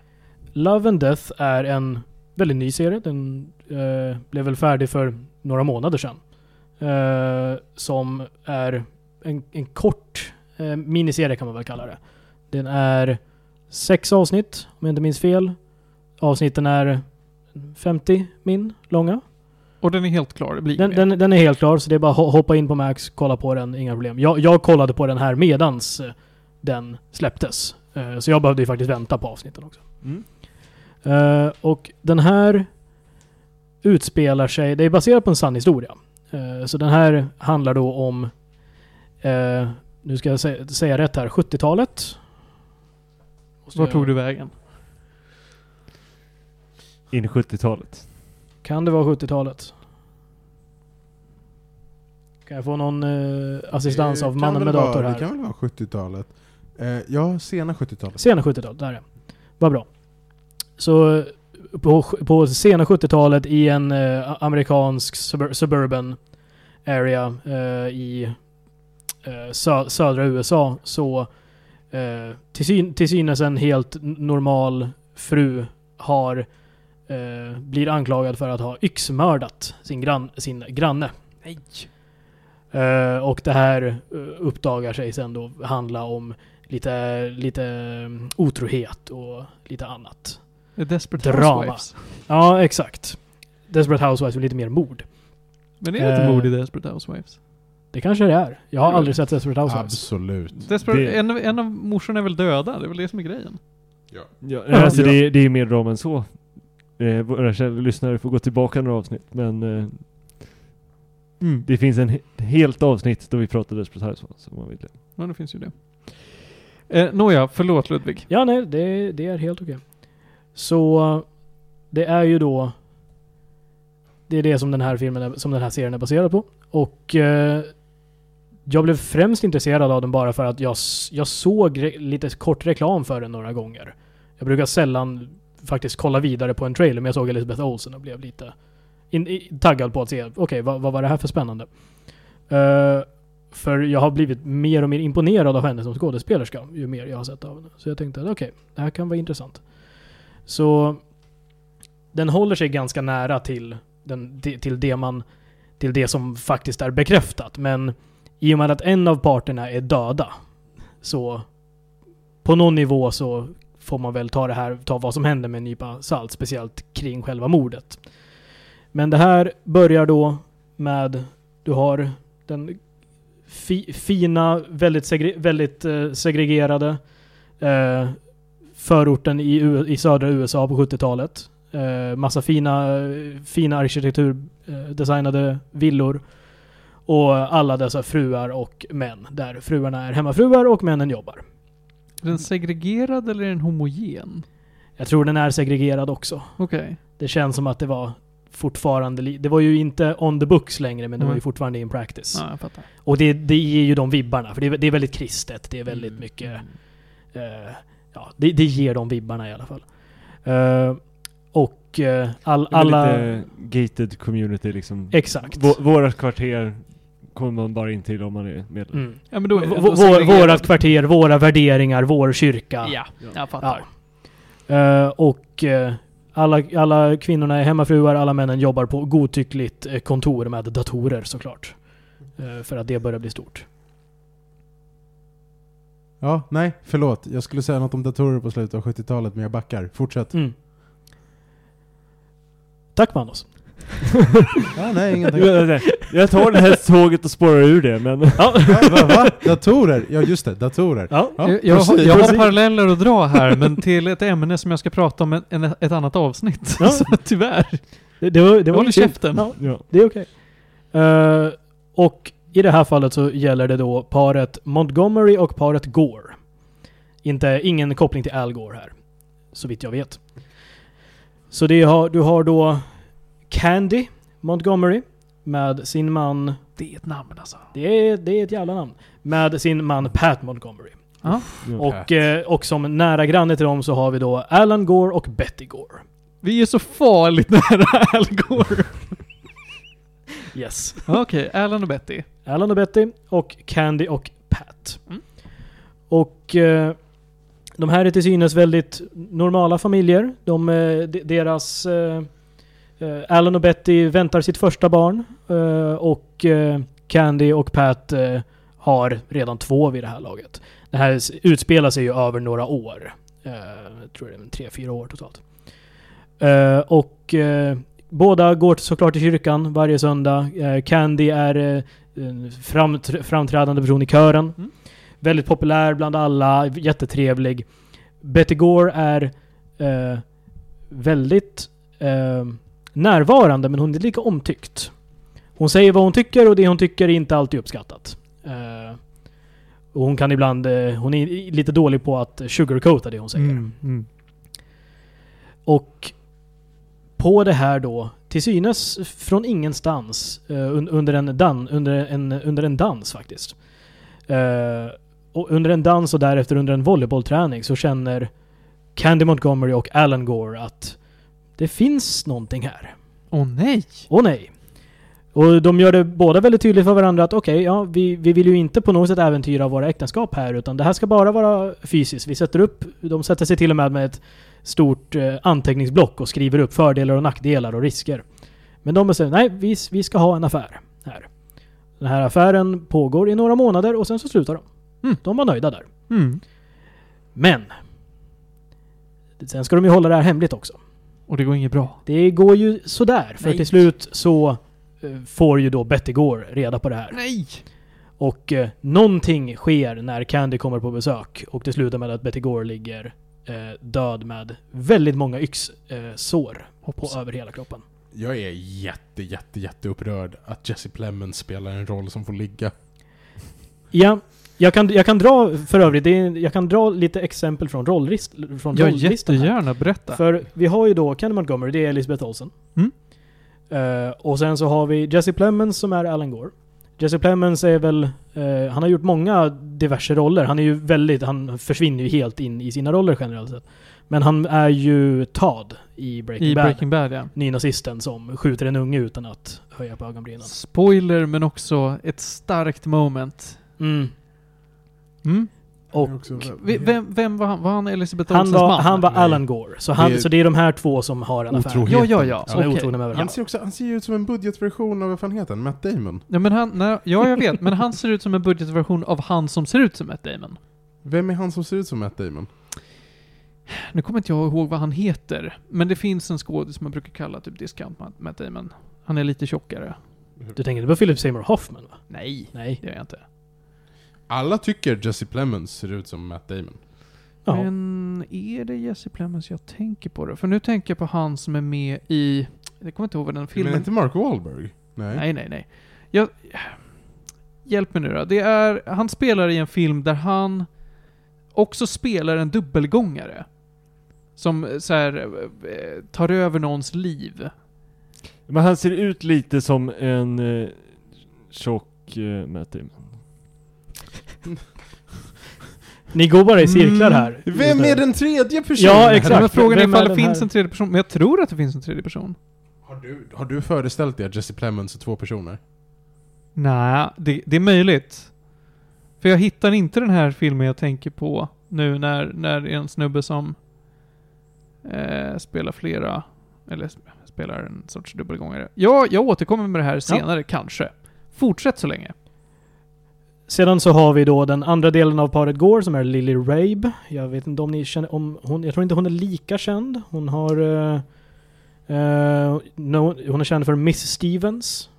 Spelat Från- mycket i American Horror Story. Ja, ah, okej. Där ser man. Oh ja. Eh, jag känner ju igen hennes ansikte. Mm. Men jag har svårt att nämna namnet på en roll hon spelar. B- både hon och Jesse Plemons är ju för övrigt helt oigenkännliga i den här serien. De har gjort ett jättebra jobb med att sminka dem och i Jesse Plemons fall har han ju även gått upp en del i vikt för det. eh, för att verkligen fylla ut eh, personerna.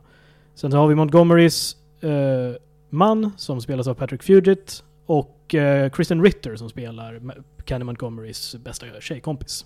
Ja, vad roligt. Jessica Jones för. Ja, precis. Jessica Jones Mm. ja. Även, även eh, Kristen Ritter försvinner ju helt in i sin roll. Hon är ju jätt, hon är den, den, den mest sprudliga bästa kompis-stereotypen som man kan hitta i en 70-talsserie. Mm. Och sen så har vi även en ganska viktig roll som är då Tom Pelfrey som spelar Don Crowder. Don Crowder är den advokaten som Candy sen eh, rekryterar för att hjälpa henne i fallet. Mm. Kom igen Martin, något ruvar du på. Nej, för den, den filmen jag tänker på är med Matt Damon. Men för guds skull Martin! Så Matt det, det är- Damon. det måste vara Jesse Plemons jag tänker på. Mm. Ja. The, The Master? Mm, jag tänkte på The Talent Mr Ripley. Jaha. ja, ja, Ja, Men det är Matt Damon. Ja, det- det, det är- jag spelar ju en dubbelgångare. Mm. Ja. Fruktansvärt Eh, bra och film. eh, Jesse Plemons eh, gift med Kirsten Dunst. Ja. Jaha. Där ser man. Ja. Va, vad sa du precis? Jesse Plemons är gift med Kirsten Dunst. Lägg av! Nej. Så jag hatar honom lite. Men det... Om det inte vore för den där jävla Jesse Plemons så hade jag- varit gift med Kirsten Dunst idag. de gifte sig förra året, det vill säga sist jag googlade Kirsten Dunst Mm. var de inte gifta. Gud vad upprörande. Okej, fortsätt. Fortsätt Ludvig. Ja. Eh, serien börjar som bara vilket, vad ska man säga, eh, som, som vilken serie som helst. Jag, ko- jag kollade första avsnittet och kände mest att ja okej, det här verkar ju... eh, det, var, det var kul att se folk va, vara nästan liksom aggressivt 70-tal. Mm. Det är väldigt mycket disco, det är väldigt mycket den klädstilen, det, det, är aggressivt 70-tal verkligen. Uh, Förlåt, var i USA var vi någonstans? Texas. Texas. Texas. Texas. Ja, ja, ja. ja. Eh, in, inte liksom, inte deep Texas, men ganska, ja. Vad i Texas är inte Deep Texas? Ja men det var väl bibelbältes Texas nu i alla fall? Ja, Ja. precis. Mm. Eh, och den här serien vänder ju ganska snabbt så byter den från, från det här till lite mer, ja men thri- lite thriller. Det är väldigt, den gör väldigt, den är väldigt, väldigt, väldigt bra på tension. Är det redan i första avsnittet som hon dör? Eh, nej. Nej? Okej. Utan det, det är väl liksom, vad, vad ska man säga? Serien är väl uppdelad lite i, i tre akter, ish. Så du har första akten som är affären. Du har andra akten som är eh, efter, så att säga, de som för, de försöker dölja affären, livet pågår som vanligt, bam, mord. Och sen så kommer tredje akten som är eh, själva rättegången. Och det som följer efter det. Spännande. Uh, otroligt, otroligt bra tension. Man sitter verkligen fastnålad i de mer intensiva scenerna. Speciellt när det här, när det börjar närma sig mer och mer att okej, är ho- snart kommer Betty Gore få veta. De, de, har- de har några near misses där det är väldigt nära att de blir påkomna. Och, ja, för du har ju... Du sa, serien började 78, 79, mm, läste någonstans. Och den här, den är ju baserad på en true story som du sa. mm, Och det är ju mordet på Betty Gore 1980, mm. den sommaren. Så Mm. du har ju ändå tre, tre, två år liksom uppbyggnad för att få lite runt det. Mm. Exakt. Mm. För där är det ju kanske en lätt spoiler, men jag tänker försöka koppla in det så tydligt som möjligt. För vi vet att nu Men det, den är baserad på mordet på henne då hon blev knivhuggen 41 gånger. Mm. Eh, och värt att nämna här är att när mordet sker så får man faktiskt inte se mordet. Nej. Utan eh, man får... Det, det dröjer till nästan, jag tror det om det är sista eller näst sista avsnittet innan man faktiskt får se vad det var som hände. Mm. Eh, så sista delen av serien blir, blir då lite mer court drama. Eh, en del... Det, mängden svordomar skjuter i höjden i sista, sista avsnitten. För då är det advokater som svär flytande åt varandra och massa eh, fulheter bakom scenerna för att försöka eh, komma, komma runt lagen på olika sätt eller utnyttja lagen till, sitt, till sin fördel. Eh, och sen tar serien slut ganska kort efter att domen har fallit och så får man höra lite om vad som ja, vad, vad hände sen ungefär. Hur känns det då? Det låter som att den slutar lite abrupt nästan. Ja, det- var ju, på någon nivå var det ju det man, man ville veta. Um, så det känd, på, på vissa sätt, det är ju lite bitterljuvt för i slutändan så har det inte hänt så mycket. Alltså folk har börjat, folk återgå, måste ju återgå till det normala livet. Är väl lite summan av det här då att ja, då eh, Alan Gore är där utan, utan fru. Med, eh, vid det här laget så har de ju barn. Eh, som saknar, som inte har en mamma. Och Candy Montgomery har fortfarande sin man och hon har fortfarande sina barn och de, de flyttar. Och Nu det- kanske du spoilade lite the outcome av eh, den här rättegången. det, det kanske jag inte om gjorde. de flyttade till fängelset eller om de flyttade stad bara. Det är, Ah, okej. Ja, fan, det är, det är baserat på ett historiskt fall. ja. Men jag vet inte det här historiska fallet. Det är kanske lika bra att jag inte vet. Ja, Mm. nej, jag lämnade bort lite ur texten när jag läste det. Mm. Jag, jag läste ju bara upp vem som dog och hur mycket hon dog. Ja, jag, jag, jag ber om ursäkt för, för spoilers Det är okej. Det är Eh, vår podd, vi säger vad vi vill! Ja.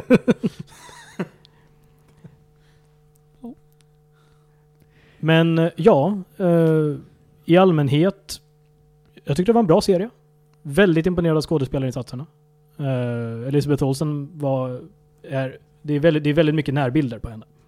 När man får se hennes reaktioner på vad det är som händer. Och det, så det är väldigt mycket tyst skådespeleri, vilket alltid är spännande att se. För det är där man verkligen kan märka vad som gör en bra skådespelare. Eh, man får till exempel, även om man inte får se mordet, får man se allt hon gör direkt efter Mm. i väldigt mycket närbild.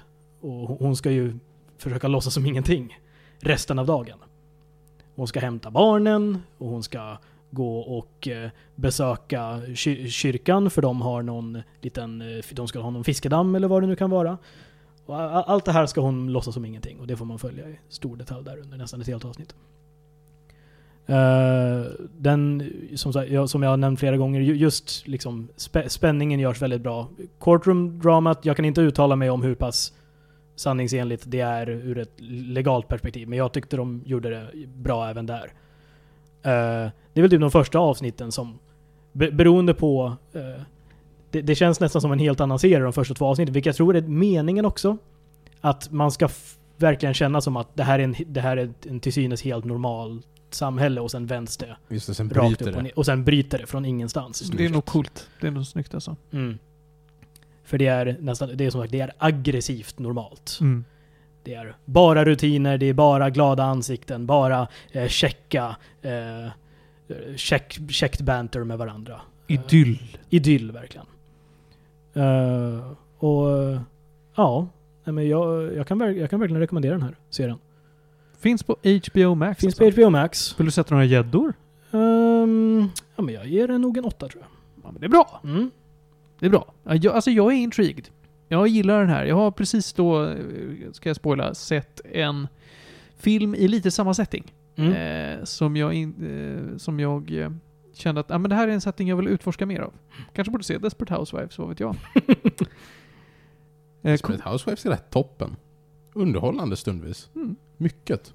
vi får se. Ja, det är väl mest att det är så många säsonger. Exakt. Men så är det med många serier. Mm. Ja, nu är jag tre säsonger in i Seinfeld. Hur känns det Martin? Alltså rätt trevligt.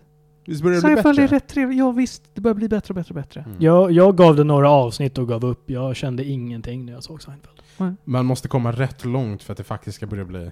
Alltså du ska ju verkligen Genuint inte sätta dig och eh, s- sitta, sätta dig och tänka på Seinfeld. För jag skrattar väldigt sällan. Mm. Men jag tycker ändå det är rätt trevligt att ha som en sorts... Men Seinfeld är ju designad i princip på att vilket avsnitt som helst ska kunna se, va, gå på tvn och du ska vara så här.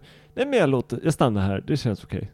Och det, för, för, i, den, i det avseendet tycker jag att Seinfeld är en ganska bra serie. Men jag kommer absolut inte gå in och kritiskt recensera Seinfeld som vi har gjort tidigare.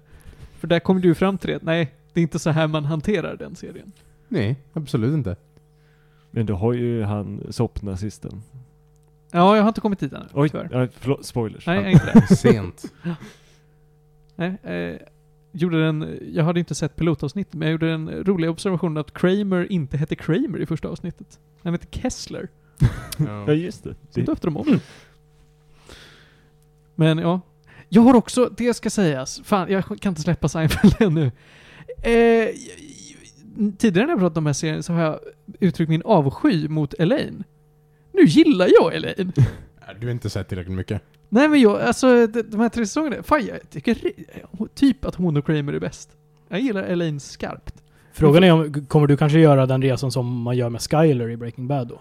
Kanske. Du kommer, du kommer gå från att hata henne till att gilla henne till att typ balansera någonstans på mitten igen. Kanske. Vi får Ja. se. Mm. Nu släpper jag Seinfeld innan eh, det går för långt. Ja. Vi ska byta ämne och prata om en eh, annan stor ikon i vår värld. Vi ska prata om Elvis. Ja, Elvis ja. Han är i farten igen. Vad sa du? Han är i farten igen. Han snurrar i sin grav som bara den. Jag har hört att han lever. Ja, jag har också hört det. Ehm, Både Skövde. Ni Ja. vet, ni vet den där, super, den där superconductorn eh, som de gjorde i Sydkorea? Den gjorde de av Elvis, hörde jag. Mm, Ja. nice. Mm.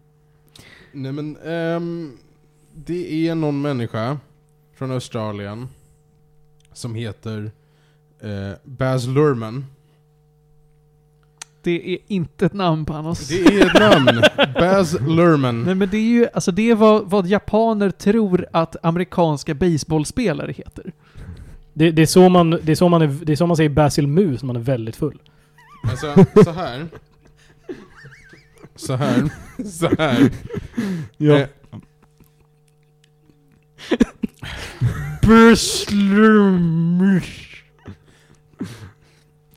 Va- vad har den här herren gjort? Baz Luhrmann har eh, regisserat lite grejer. Nej, det var Ja. det värsta. Han har regisserat den här förfärliga 1996 års William Shakespeares Romeo and Juliet. Ja, Åh. ja. Med Leo Ja. på Silver... På, på Long... På vad heter det? På eh, Long Beach eller vad det är. Ja. Eh, han, men är det Romeo plus Juliet? Den Precis. Ja, ja, Romeo plus Juliet. Den Han har moderna. regisserat... Ja, han har den är ju rätt rolig ändå. 2001 års Moulin Rouge. Finns det flera filmatiseringar av Moulin Rouge? Jag hoppas inte det. men- Nej, det hoppas jag men- inte. Ja. Eh, han har eh, regisserat eh, The Great Gatsby Okej. Mm. 2013. Ja, ja, ja. Eh, han har regisserat lite grejer och, och det, det alla har gemensamt är ju att ehm, eh, antingen så fastnar liksom bild, bildspråket på hornhinnan eller så vill man sticka ut ögonen på sig. Det, det tycker jag ändå är det gemensamma draget. Great Gatsby är ju verkligen det, det förstnämnda där, tycker jag. Ja, exakt. Mm. Absolut. Absolut. Eh, Medan Moulin Rouge är mer så här, man har en stroke två minuter in. Hur som. Fast den ehm, är... ja. Den är bra, Ja. men, men, men de börjar väldigt tripp, trippy. ja, alltså det är mycket intryck. Det är nästan för mycket intryck i den filmen. Jag har en hot take på Moulin Rouge. Varje gång filmen kommer ihåg att det är Moulin Rouge så blir den sämre. Hatar när det händer. När den glömmer bort att den är Moulin Rouge, då börjar det bli en bra film. Mm. Du har nog inte fel. Nej. Hur, som, hot take! Ja. Mm. hur som. Ehm, 2014 kommer den här mannen, Baz Luhrmann, ut och, får reda, eh, och, och medger eller får reda på att han ska göra en biografi om Elvis. 2014. Mm. Oh. Ehm, det sker inte 2014. Det gick åtta år. Det gick många år. Eh, precis innan covid bryter ut bestämmer de sig för att sätta igång med den här. Eh, Tom Hanks joinar projektet, spelar inte Elvis. Ehm, Spelar en Elvis manager typ. eh, exakt. Och eh, till slut kommer filmen ut 2022. Ehm, den egentliga huvudpersonen i filmen, Elvis, är inte filmens första person. Utan filmens första person är Colonel Tom Parker, som är managern, som spelas av Tom Hanks. Mm. Ehm, däremot har vi ju då Elvis, som spelas av en ung kille som heter Austin Butler. Som jag har väldigt svårt att säga om jag känner igen, helt ärligt talat. Han har spelat i skit. Han har spelat i typ Zoe 101 på Nickelodeon och Shannara Chronicles. Alltså du vet så här. Oh. ingenting användbart. Förutom att han spelar Tex Watson i Once upon a time in Hollywood. Det är snubben med hästen. Ja, precis. Jaha. Ja. Ehm, aldrig har man sett honom på riktigt förut. Jag tror att det största han har gjort i sitt liv är antagligen att han var ihop med Vanessa Hudgens ett tag. Väldigt Hoppsan. fresh att gå från att spela skit till en Tarantino-film till att vara Elvis. Ja. Det är, alltså, det är en det jävla resa. Ja. Ja, Det jo, trodde men- han inte när han var med i Zoe 101. Han Har var du i... sett Zoe 101? Ja, klart jag sett Zoe 101. Ja, Okej. både jag och Martin har sett det. Vi har också sett Ned's Declassified. Ja, men Ned's Declassified är en mycket bättre serie. Ja, Imagine- det är den också nämligen. Jaha, ja. Imagine att, nice. imagine att kolla på live action på Nickelodeon. Vi tog vad vi fick. Bara svampbob. Hur? Ja. På den här tiden, då var det inte dubbat. Nej, det, det, det var fan bra det. Mm. Sen Mm. blev det, gick det ut för. Så, tillbaka till Elvis. Nej men uh, Colonel Tom, Tom Parker är en jävla skurk. eh, som gamblade bort hälften av Elvis pengar Mm. och grejer. Alltså allt det här är ju historiska fakta, så jag Mm. kommer, jag kommer inte gå in och återbeskriva Elvis liv som en del av recensionen. Men utifrån hans perspektiv, när han är döende, så får man liksom följa hans samvetes försvar av vad som har hänt. Mm. Och på Mm. så vis följa Elvis liv. Okej. Hur- Så det här är Titanic fast för Elvis? Typ. Ja. Är det, alltså känns, det känns väldigt mycket spelfilm här. Ja, det är väldigt mycket spelfilm. Det är ju alltså, det är en biopic, det är en spelfilm. Jag menar, alltså, hur mycket biografi snackar vi och hur mycket är det ett Helt accurate. drama? Helt accurate, men, men med Men det funkar? lite krydda. Mm. Mm. Ja. Okej. Ehm, Jag har aldrig sett den här typen av film, ska sägas. Jag har aldrig inte sett uh, den här Queen-filmen. du har inte sett den heller? Bohemian. Rhapsody, den är ju... Jag har inte sett Bohemian Rhapsody, jag har inte sett uh, Rocketman. Ja, det glädjer mig. Alltså Bohemian Rhapsody har ju satt en trend av Mm. bra biopics. Mm. Och även om, även om Elvis inte är lika bra, Är Schindler's List en biopic? nu lugnar du dig. Ja. Jesus Christ. Men det är... För de gjorde den här Gucci-filmen också, som också är lite av en biopic-drama.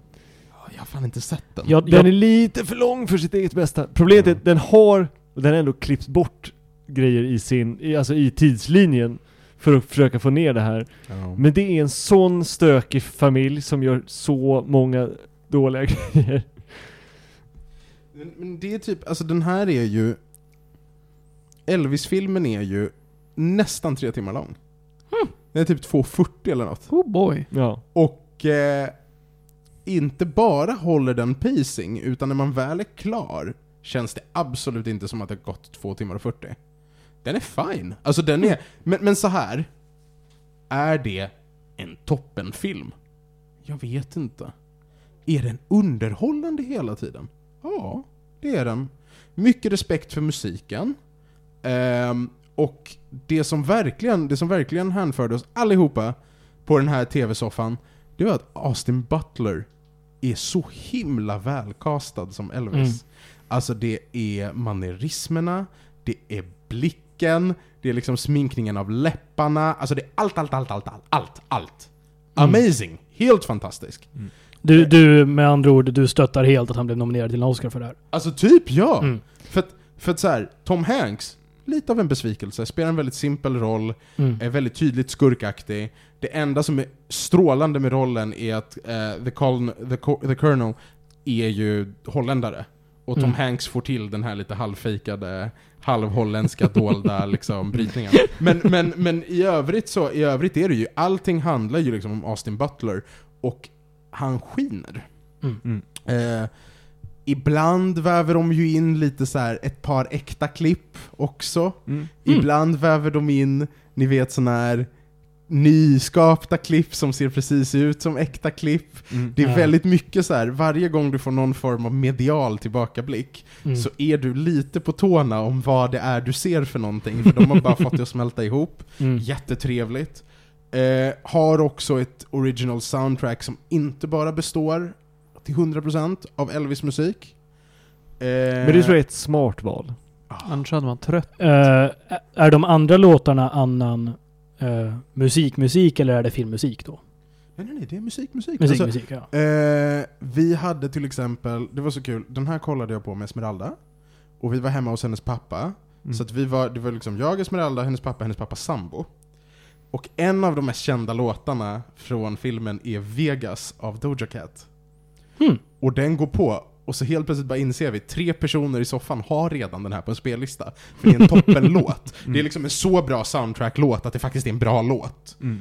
Eh, Måneskin har gjort någon musik för det här. Alltså du vet så här, det är riktiga artister. Diplo har gjort musik. Um, CeeLo Green har gjort musik. Ah, ja, ja. Mm. Jag, jag gillar hur Diplo glider in och randomly gör bra typ musik till filmer från ingenstans. Det händer ibland. Ja. Mm. Kul grej. Mm. Eh, ofta är musiken också lite sammanvävd, alltså mycket av de här låtarna de här moderna artisterna har gjort har ju liksom lite så blues-element, eller Mm. alltså eh, ibland saker tagna ur inspirationen för Elvis låtar och så här. De väver bara in dem i, i filmerna, Mm. i filmen. Det, det, är jätte, det är väldigt smooth. Eh, vår kompis Alex, från den kända podden Halvfulla glas med Alex och Kasper, tycker att den här filmen är katastrofal på alla de sämsta sätten. Jag tycker att han är en hater, han vet inte sitt eget bästa. Mm. Det här är en väldigt underhållande film. Men det är en underhållande film 6,5 av 10 gäddor. Mm. Det är liksom inte ett mästerverk, utan det är en rimlig biografi där man väldigt, väldigt ofta glömmer bort att man inte kollar på faktiska Elvis. Mm. Mm. Det är ju, alltså du beskriver ju verkligen guldkornen i den här filmen. Mm. Är resten bara medioker film? Men jag tycker, nej, jag, nej, nej, nej, utan jag tycker den håller takt. Ja. Och det är till stor del det det handlar om, typ. Ja. Men vad är det den tappar på då, till sex och och en halv? Jag, jag tolkar det som att allting är bra, men inget är fantastiskt. Lite. Jo men alltså, så här, det är ju liksom inte så här, den ger ju ingenting vi inte redan vet. Mm. Den är ju inte en dokumentär. Den är liksom inte precis nog. Det är tråkigt att det är Tom Hanks som är första person. Mm. Ja, Alltså, nej, men han, jag såg ju också honom i eh, En man som heter Otto remaken som han Mm. gjorde. Mest för att se hur han var i den rollen. Och också, alltså såhär, Du menar en man som heter Ove? Ove Jo, förlåt. men, men på Men- På engelska... engelska Daro. det- Ja, precis. jag, jag såg den på flyget hem. Mm. Eh, Tänk, jag såg en man som hette Ove på flyget hem en gång. ja, ja, den såg jag faktiskt på bio. Mm. Eh, en man som heter Ove. Riktigt bra film. Ja, den satt man och grät till. Ja. Den, den svenska nu alltså? Ja. Den svenska är med. med. Eh, den amerikanska remaken. Den tar sig inte hela vägen fram. Men den har många bra scener. Tom Hanks är bra i vissa scener, Mm. okej i andra scener. Men hela den filmen bärs av, nu kommer jag inte ihåg vad den heter, men den mexikanska kvinnan som... Så istället för Bahar Pash. Ja, Ja, exakt. Mm. Där Bahar Pash säkert är bättre ändå. ja, jag tror det. Men hon... Hon sliter Ja. I sitt skådespeleri och det. Men, men här är väl, alltså grejen med den här filmen är att det känns lite grann som att Tom Hanks får vara första person just för att han är känd. Ja. Mm. Han gör inte, alltså han gör inte sin grej dåligt. Det är bara en tråkig roll att ha som första person. För det är så, det är så man förstår det liksom från början att han är skurken. Mm. Och det här är inte en historia som kommer handla om honom. Mm. Och han är inte värd det utrymmet han får. Nej. Nej, men det- är så här, när motparten är Elvis Presley, då ska det vara jävligt intressant. Precis så. Mm. Ehm, en annan av nackdel, en, en grej jag tyckte var tråkig, och det är ju för att eftersom Tom Hanks är huvudpersonen och Tom Hanks är skurken, Mm. så är Elvis offret. Varpå Elvis, förutom att han väldigt tydligt är liksom otrogen med, med groupies och sådär, Mm. så är han ju liksom i stort benådad. Så typ så här. Trots att han gifter sin 16-åriga kusin, eller? nej nej nej, utan det, är det här som är grejen. Han träffar Priscilla när hon är 14, Mm. Mm. och adopterar henne från hennes föräldrar för att kunna ta med henne på tour, och de går med på det. Mm. Och sen gifter de sig när, när hon är typ 16. Right. Och det bara slätas över. Ja. Mm. Ehm, och, och, eh, det är liksom en sån här grej där jag bara så här. Det här kan vara en av de mest intressanta sakerna om Elvis liv, just för att han kom undan med det. Och det sägs ingenting om det. Mm. Ehm, en grej jag tycker är bra, det är att man ser mycket av de här eh, afroamerikanska artisterna Elvis inspirerades av. Ah, kul. Eh, det är liksom B.B. King, det är Ah. Big Boy Crudup, det är Little Richard, och Mm. de är också alla välkastade och Ah, dynamiska nice. karaktärer. Mm. Och det tyckte vi också var jättekul. Alltså Ja. liksom, allting kring musiken är välgjort. Mm. Det är bara att så här. Om du har en lista på 10 filmer du vill se, och Elvis-filmen är med på den, Mm. då är den inte högre prioritet än 6,5 av 10. Jag fattar. Mm. Ja. Okej, right. Och det är väl också för att man Det väljer är att... ett bra sätt att, att lägga fram det på. Ja. Mm. För det känns ju som att de har valt att det de ger är bra, men det finns andra grejer som är mer komplicerat med Elvis som man hade velat sätta tänderna i. Potentiellt. Mm. Jag tror faktiskt det. Men är det sånt som inte går att göra för att Tom Hanks är huvudrollen, eller är det för att då tappar man vilken... För nu pratar du om att Elvis var offret i filmen. Lite grann. Är det så att ja. om man utforskar de bitarna så går det inte att göra med honom som offer? Nej, potentiellt inte. Nu frågar jag dig som inte har sett filmen. Nej men exakt. Eh, Och, och, och, och bara, alltså bara, bara så här. Alltså jag, vet- jag vet inte, så, som sagt, det är en kul film. Och jag tror också att det är lite, alltså en del av vad som sänker den lite grann, är just att den har lite den här Baz Luhrmann, lite väldigt färgglatt, väldigt saturated, väldigt paced, lite som Moulin Rouge. Och Mm. där man bara så här. Alltså ni kunde ha fokuserat på tre, fyra viktiga saker, gjort dem lite mer intrikata, haft en, en, liksom en spelfilm. Istället är det lite mer pow, pow, pow, pow, pow. Och som sagt, fortfarande underhållande hela vägen. Mm. Den bara sänker sig lite. Men alltså, bara att pacingen håller i filmen gör att jag vill se den, även om den är 2.40. Ja. Jag, jag kollar upp, den är lika lång som House of Gucci. Ja. Men House of Gucci känns lång. Ja, det här kändes inte så jävla långt. Nej. Och, och, det, men, och där är också, för den har inte, den försöker ju ta upp det mesta av det komplicerade i den filmen. Problemet är att som tidslinjen är så händer det saker emellan som man är så här, jag vet ungefär vad som kommer hända här, men jag förstår att i verkligheten händer det så att vi kan inte ta bort hur mycket som helst. Mm. Så det, och det är den balansen som blir när man gör biopics. Sen att Ridley Scott gör långsamma filmer, det får han ta det med sin... vet vi ju bara. Det får han ta med sin terapeut Har Har, har Weird? Al's kommit ut? Har hans biopic kommit än? Jag tror inte det. Nej, men den är För G. den, den är jag så jävla taggad på att se bara för att den inte är en biopic.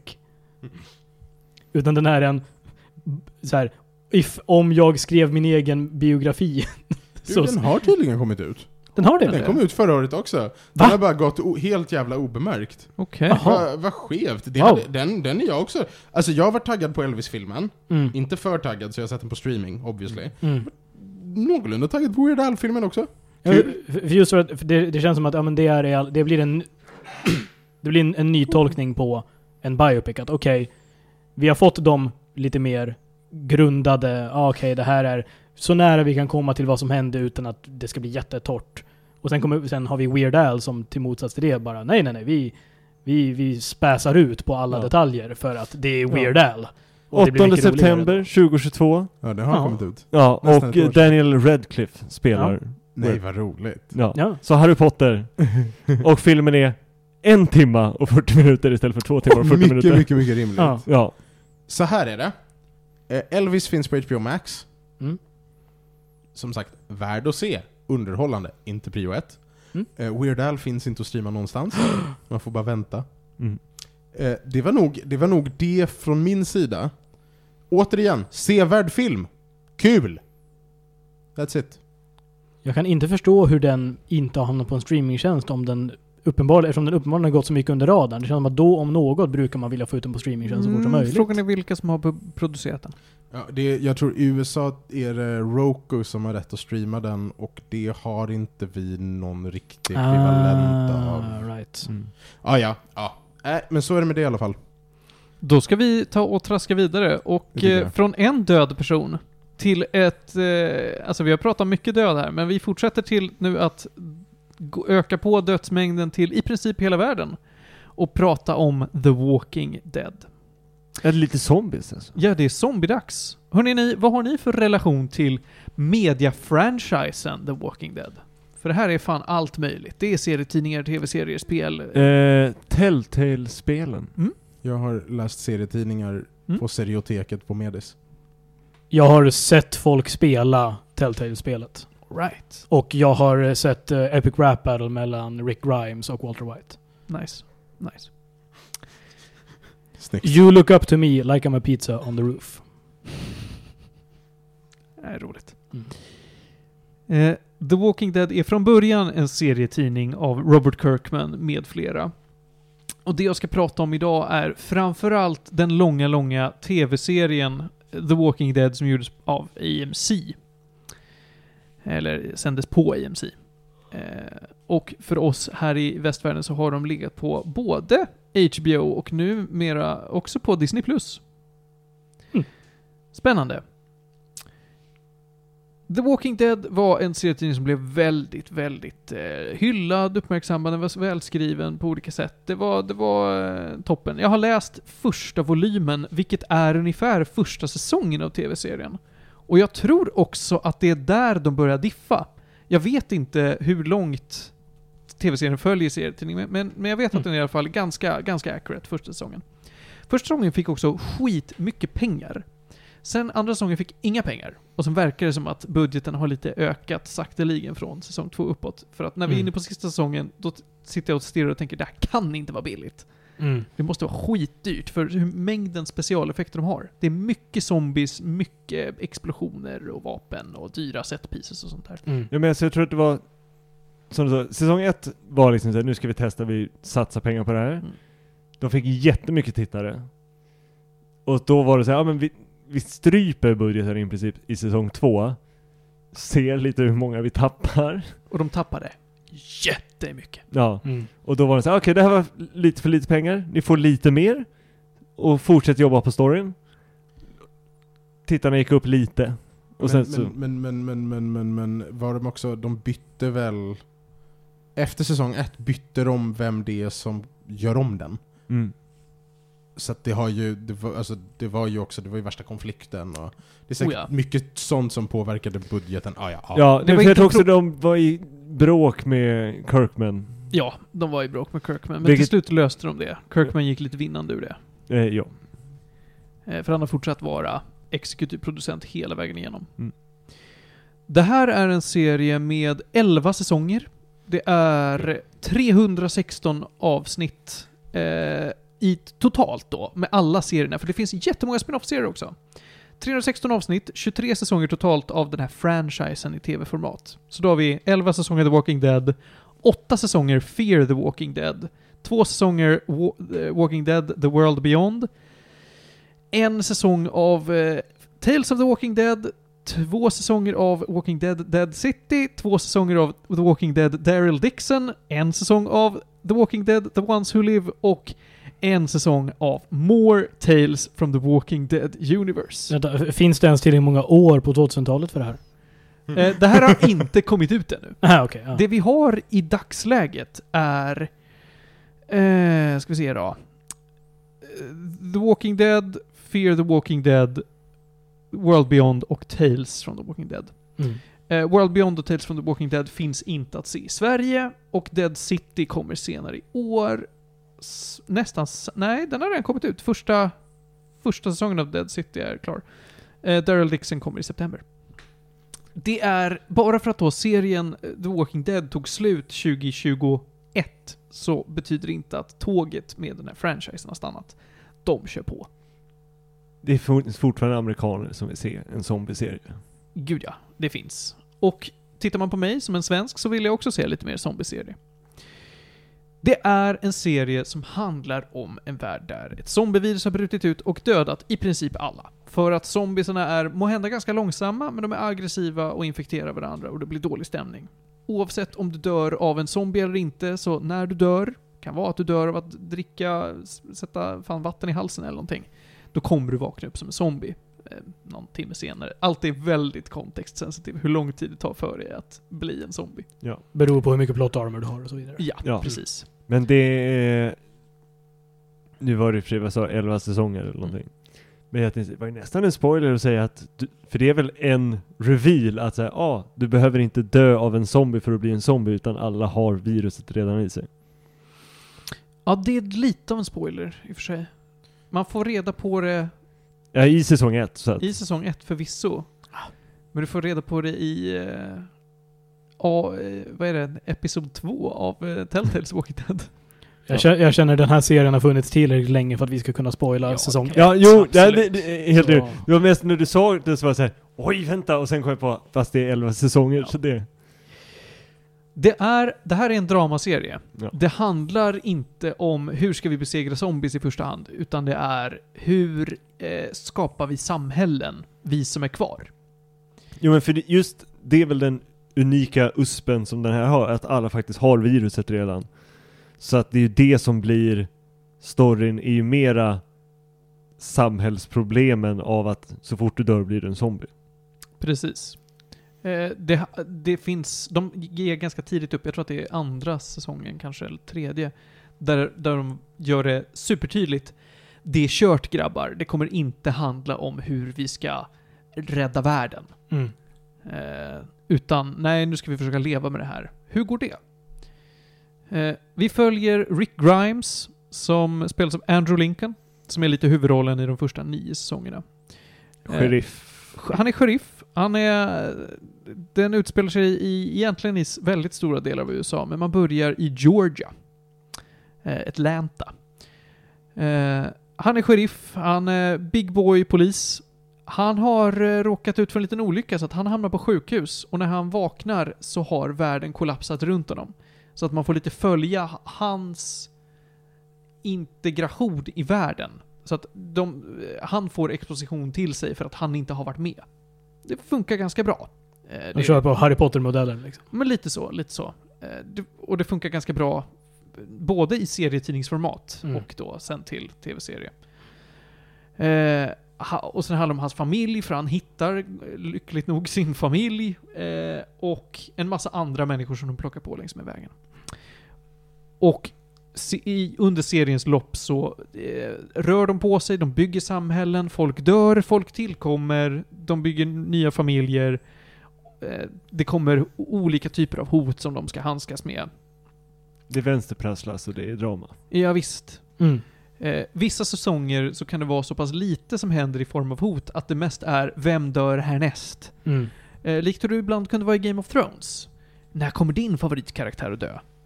Men jag skulle nog säga att det, var, det är mer så eh, i stora delar av The Walking Dead än vad det är så i Game of Thrones. Mm.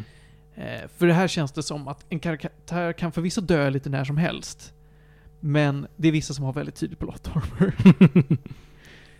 eh, och den är väldigt ojämn ska sägas. Det har mycket med pengarna att göra. Mycket, mycket har med pengarna att göra. Vissa eh, gånger så känns den äldre än vad den är. För att bildkvaliteten är så kass. De har en grain som jag bara inte står ut med. Så man kan nästan tänka att vad fan är det här? 2005? Och sen är det typ 2014. För att det ska vara något så här estetiskt av, oh, men, Men- men för de har väl- är old timey. Den är För- också utgiven, serien är ju utgiven 2005. Ja, den började då va? Men, men Mm. okej, för kör, alltså är filmas den med mycket handheld och att den ska hålla, att den ska ha lite den viben eller är det fortfarande ja, men multica- varierar. multicamera? Filmas mycket? absolut inte med en handheld. Det här Nej, inte, inte en handel, men det, Ja. det varierar ju vilken typ av shots de har. Jag, Mm. jag kan inte Ja, säga att men de en har ju en eh, liksom estetisk filmgrain på för att det ska kännas lite mer rough, om jag Ja. kommer ihåg rätt. Från det jag Ja, sett. jo, nej, jag gillar det inte alls. Men det tar de bort efter ett tag. Ja men för jag tror att den är ju, det är en digital effekt så den är inte heller superbra. Det ser mest ut som suddigt ut. Så är det. Men sen, en koppling till tidigare ämne, så har vi ju Hillbilly Norman Reedus. Ja, precis. Norman Reedus är en annan av huvudkaraktärerna som inte är med i serietidningen. Utan han är skriven för, för eh, den här serien som så. Och sen blev han väldigt populär så att han fick mer screentime. Och, Och mer plot armor. ja. Mm. Han är en välskriven karaktär skulle jag säga. Eh, dock inte den bästa. Hans bästis, eh, Carol, skulle jag säga är den bästa karaktären. Spoiler att hon också har extremt mycket plot armor. det, Men det- är, Det är Det- hemmafrun som får spö av sin man och som sen blir badass. Så, okej. för, för det finns både Carol och Coral. Carl, ja precis. Carl. Carl är, är, är huvudkaraktärens son. Mm. Som sen ska då fostras till att eh, bära vidare familjen. Och det går sådär. ja, han är väl lite mesig. Han är lite mesig av sig. Eh, Det är därför Rick Grimes skriker åt honom när han står med sin cowboyhatt. precis. Quarl. Rick Grimes har en dialekt som funkar ibland och ibland inte. Den är lite svår att placera. Verkligen. Eh, någonting annat som gör den här serien väldigt ojämn är att den är väldigt tydligt uppdelad i ark.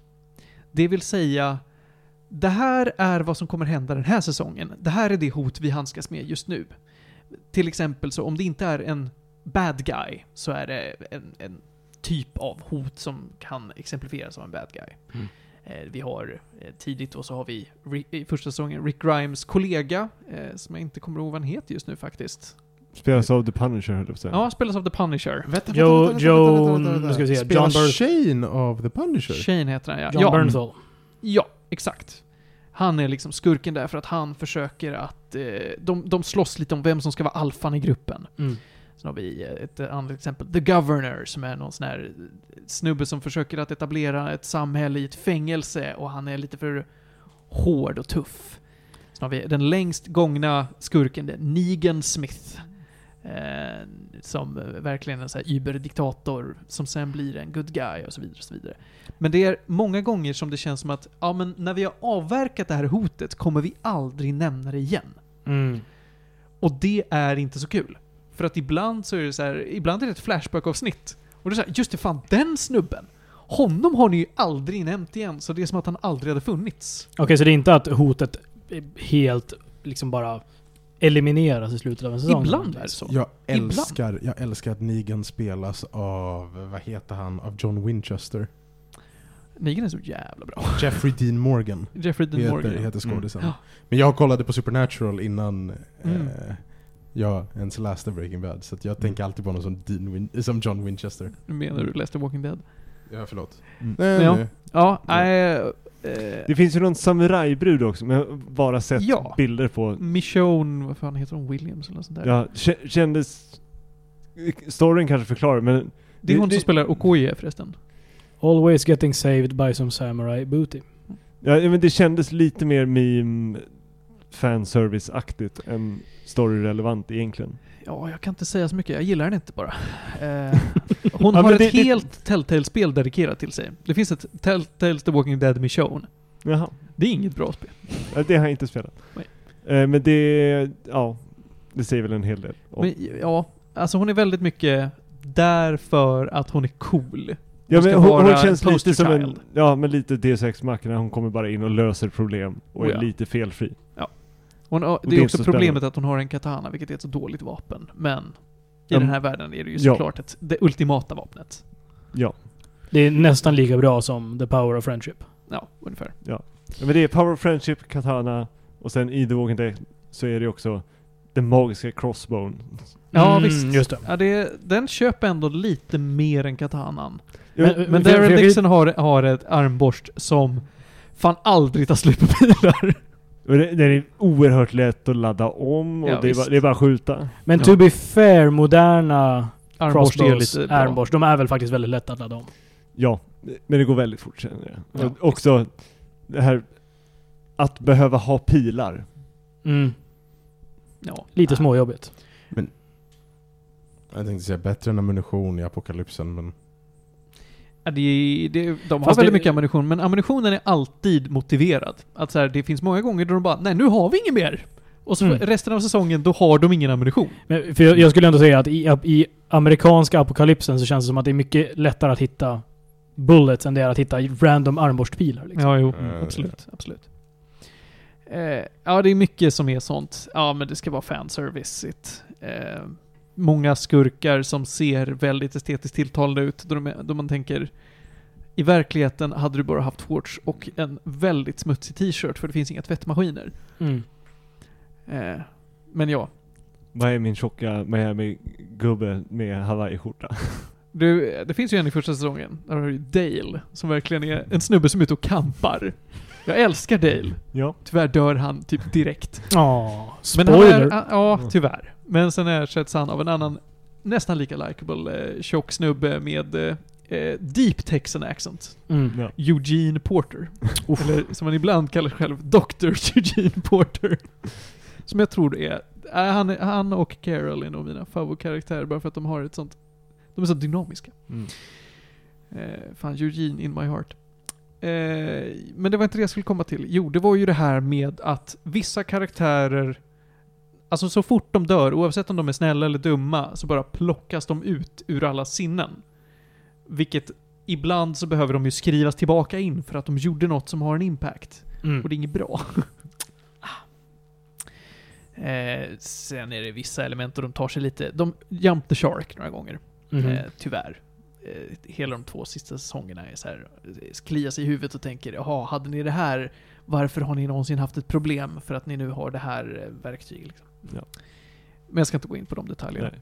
Som helhet då? Vart landar du i Jag tycker att din upplevelse? Jag tycker att det här är en bra serie som tyvärr bara lider av Lost-problemet av att vara för lång utan substans. Ja. Mm. Den hade inte behövt vara så här lång, men den har bara drivits av pengar. Så att jag landar i, jag hade velat att den tog sig själv mindre på allvar för att jag skulle kunna ha det som tuggummi för ögonen. Eller att den var kortare och hade haft lite mer substans. Den är inte perfekt på något sätt. Nej. Den landar någonstans. Men känner du också lite arkproblemet du pratar om, att det är väldigt så här, det här är en story, det här är en story, det här är en story. Kan det komma från det här med att man vet inte om den kommer bli förnyad för en till säsong problem? Absolut. För när den väl är slut så känns det inte som att den är slut-slut, utan känns som att Ja men äh, här har ni avslutat det arket. Det skulle kunna bli en till säsong. Det, det här är också en sån här serie, jag tycker det är så intressant. Jag har studerat dens fans mer än vad jag har studerat serien, för jag har inte kollat på serien än. Mm. Men ehm, Steven Yeun spelar ju Glenn. Mm. En av de mest älskade Han karaktärerna. är underbar. Steven Yeun som också voicear Invincible. Världens bästa.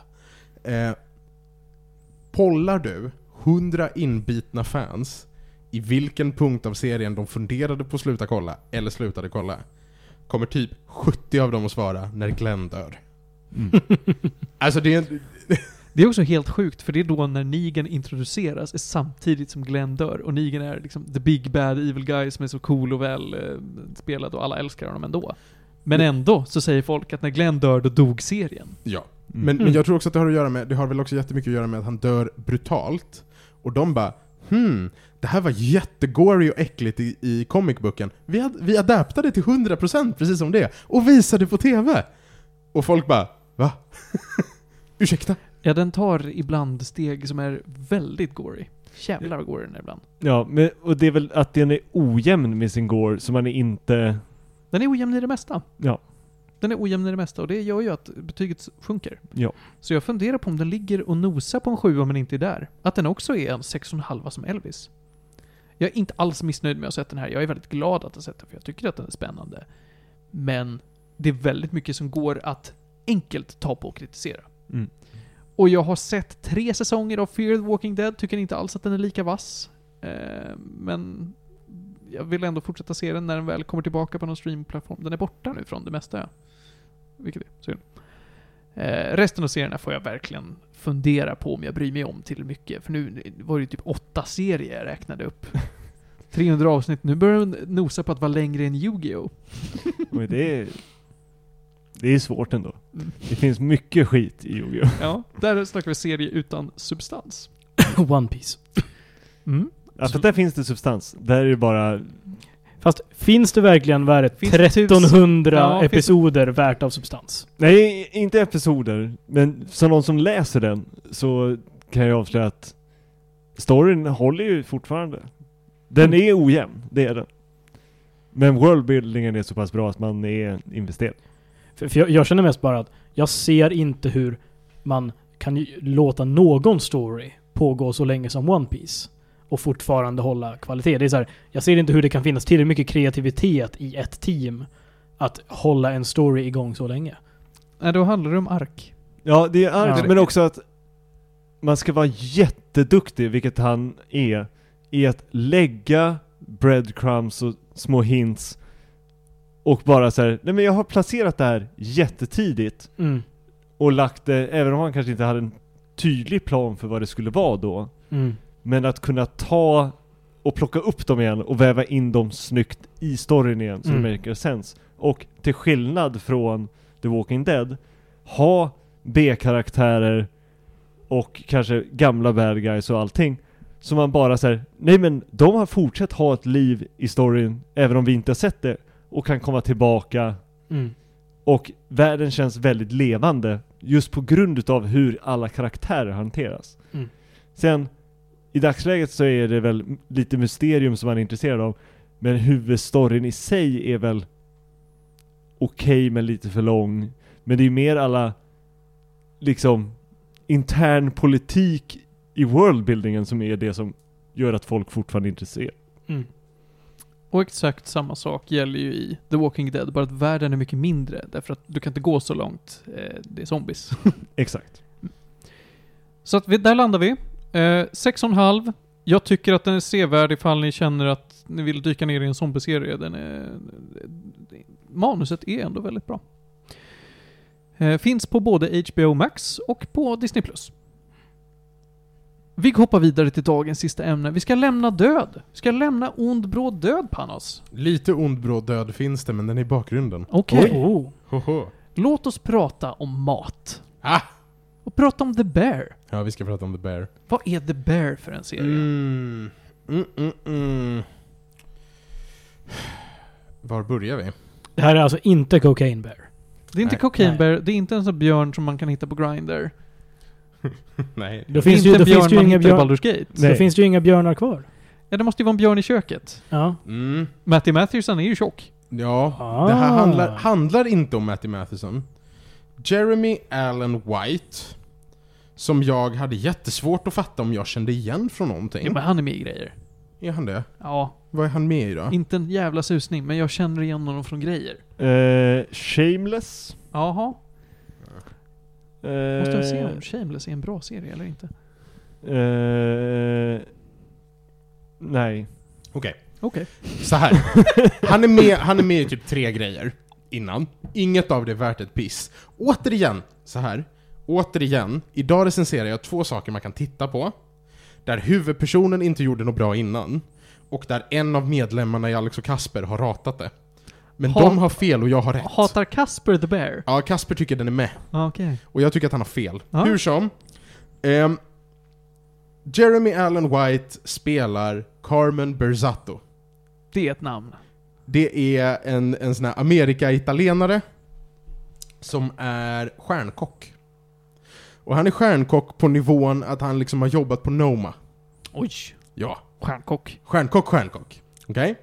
Och i början av säsong ett så får vi reda på att Carmens storebrorsa har dött. Eh, Michael Berzato. Och lämnat efter sig sin restaurang till Carmen. De är tre syskon, det finns en yngre syster också. Och den här restaurangen är inte en fin krog. Det är en sandwich shop i, en, i ett gammalt, liksom, fult kvarter av Chicago som heter The Original Beef of Chicagoland. riktigt, riktigt sjabbigt ställe, riktigt, riktigt sleten personal, eh, riktigt, riktigt ambitiös stjärnkock. Carmen ska in och han ska ta över restaurangen till minnet av brorsan. Eh, shenanigans ensue. Ska han basically begå en Gordon Ramsay på det? Nej. Nej. Nej, han ska bara få det att funka. Får jag, får jag pausa dig här? Ja. Vad är det för ton vi har? Tonen är... Är det komedi? Är det drama? Det är en dramakomedi. Okej, Mm. det var Den är båda. stundvis ganska rolig. Ehm, Är, är den rolig på liksom... Som i att det är absurda situationer som uppstår, eller är det typ folk drar roliga lines? nej, alltså de är så här, de är liksom... Alltså för det första är det... Första säsongen är väldigt, väldigt, väldigt välskriven. Mm. Mycket av dialogen känns äkta. Eh, människorna där inne känner varandra och, på många olika sätt. Det finns mycket liksom, alltså det finns mycket humor i deras relationer. Mm. För att det är människor som älskar varandra men också bråkar på ett sätt som typ familj kan. Alltså det är Right. verkligen så här. Så det, är liksom, det, det kan vara roligt banter. det är roligt banter. Mm. Men är det sätta punchline banter eller är det... Nej nej nej, det är bara så här. det är så roligt att de pratar så med varandra. alltså, Okej, du vet, ja, det är verkligen, det är jätteorganiskt. Ja, Mm. nice. Ja men det är lite eh, Aaron Sorkin när han är bra. Alltså typ. Det Typ. får, får mig att tänka lite på Three Billboards. Hur vi Just tyckte det. att... För där är dialogen så himla Tight. tight hela tiden. Och det, det är inget som är rakt ut sagt roligt, men man sitter liksom och ler under dialogen för att det är så här. Ja. Oh, ja. Där fick du till det. Där ja. Oh ja. Eh, näst, en av de andra stora rollerna är en snubbe som heter Ibon Mosbachrach. Där har vi ett ännu mer Där har vi ett namn. Han spelar David Lieberman i The Punisher. Och Oh. han spelar också Desi i Girls. Han har faktiskt gjort två riktigt bra, alltså bra roller innan. Och är fortsatt väldigt bra. Han är The Cousin, Richie. eh, vi har en, en ung skådespelerska som heter Ayo Edebiri. Som jag misstänker inte har gjort någonting. Hon har typ varit med i någon Comedy Central-grej. Eh, hon var med i Teenage Mutant Ninja Turtles från 2023. Är det det hon har gjort? Det har hon gjort. Där ser man. Men det måste hon ju ha hoppat in i efteråt förresten. Den är Ja. väl inte ute nu? Jo, den Är har väl... Turtles-rullen ute? Släpptes den ens i Sverige? Jag, jag har hört... måste. Eller jag, jag, jag har andra hört augusti. recensioner Den är ju färsk! Ja. Jo, jo, den är ju färsk. Jag har bara inte Mm. sett något om den som Just att det, den hon, skulle hon, gå på hon bio. gör någon av rösterna i, i Across the Spider-Verse också.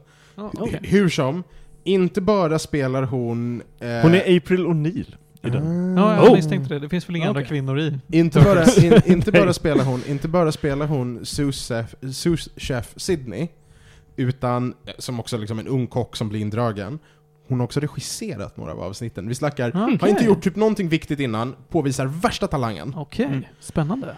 Um, jättemycket, väldigt organiska, väldigt rimliga interpersonella konflikter, mycket friktion, mycket känslor, jättemycket tunga grejer och en väldigt, väldigt solid pacing i hela första säsongen där man verkligen avsnitt per avsnitt får reda på liksom mer om karaktärerna. Säsong 1 på åtta avsnitt, inte en enda sekund av fillers.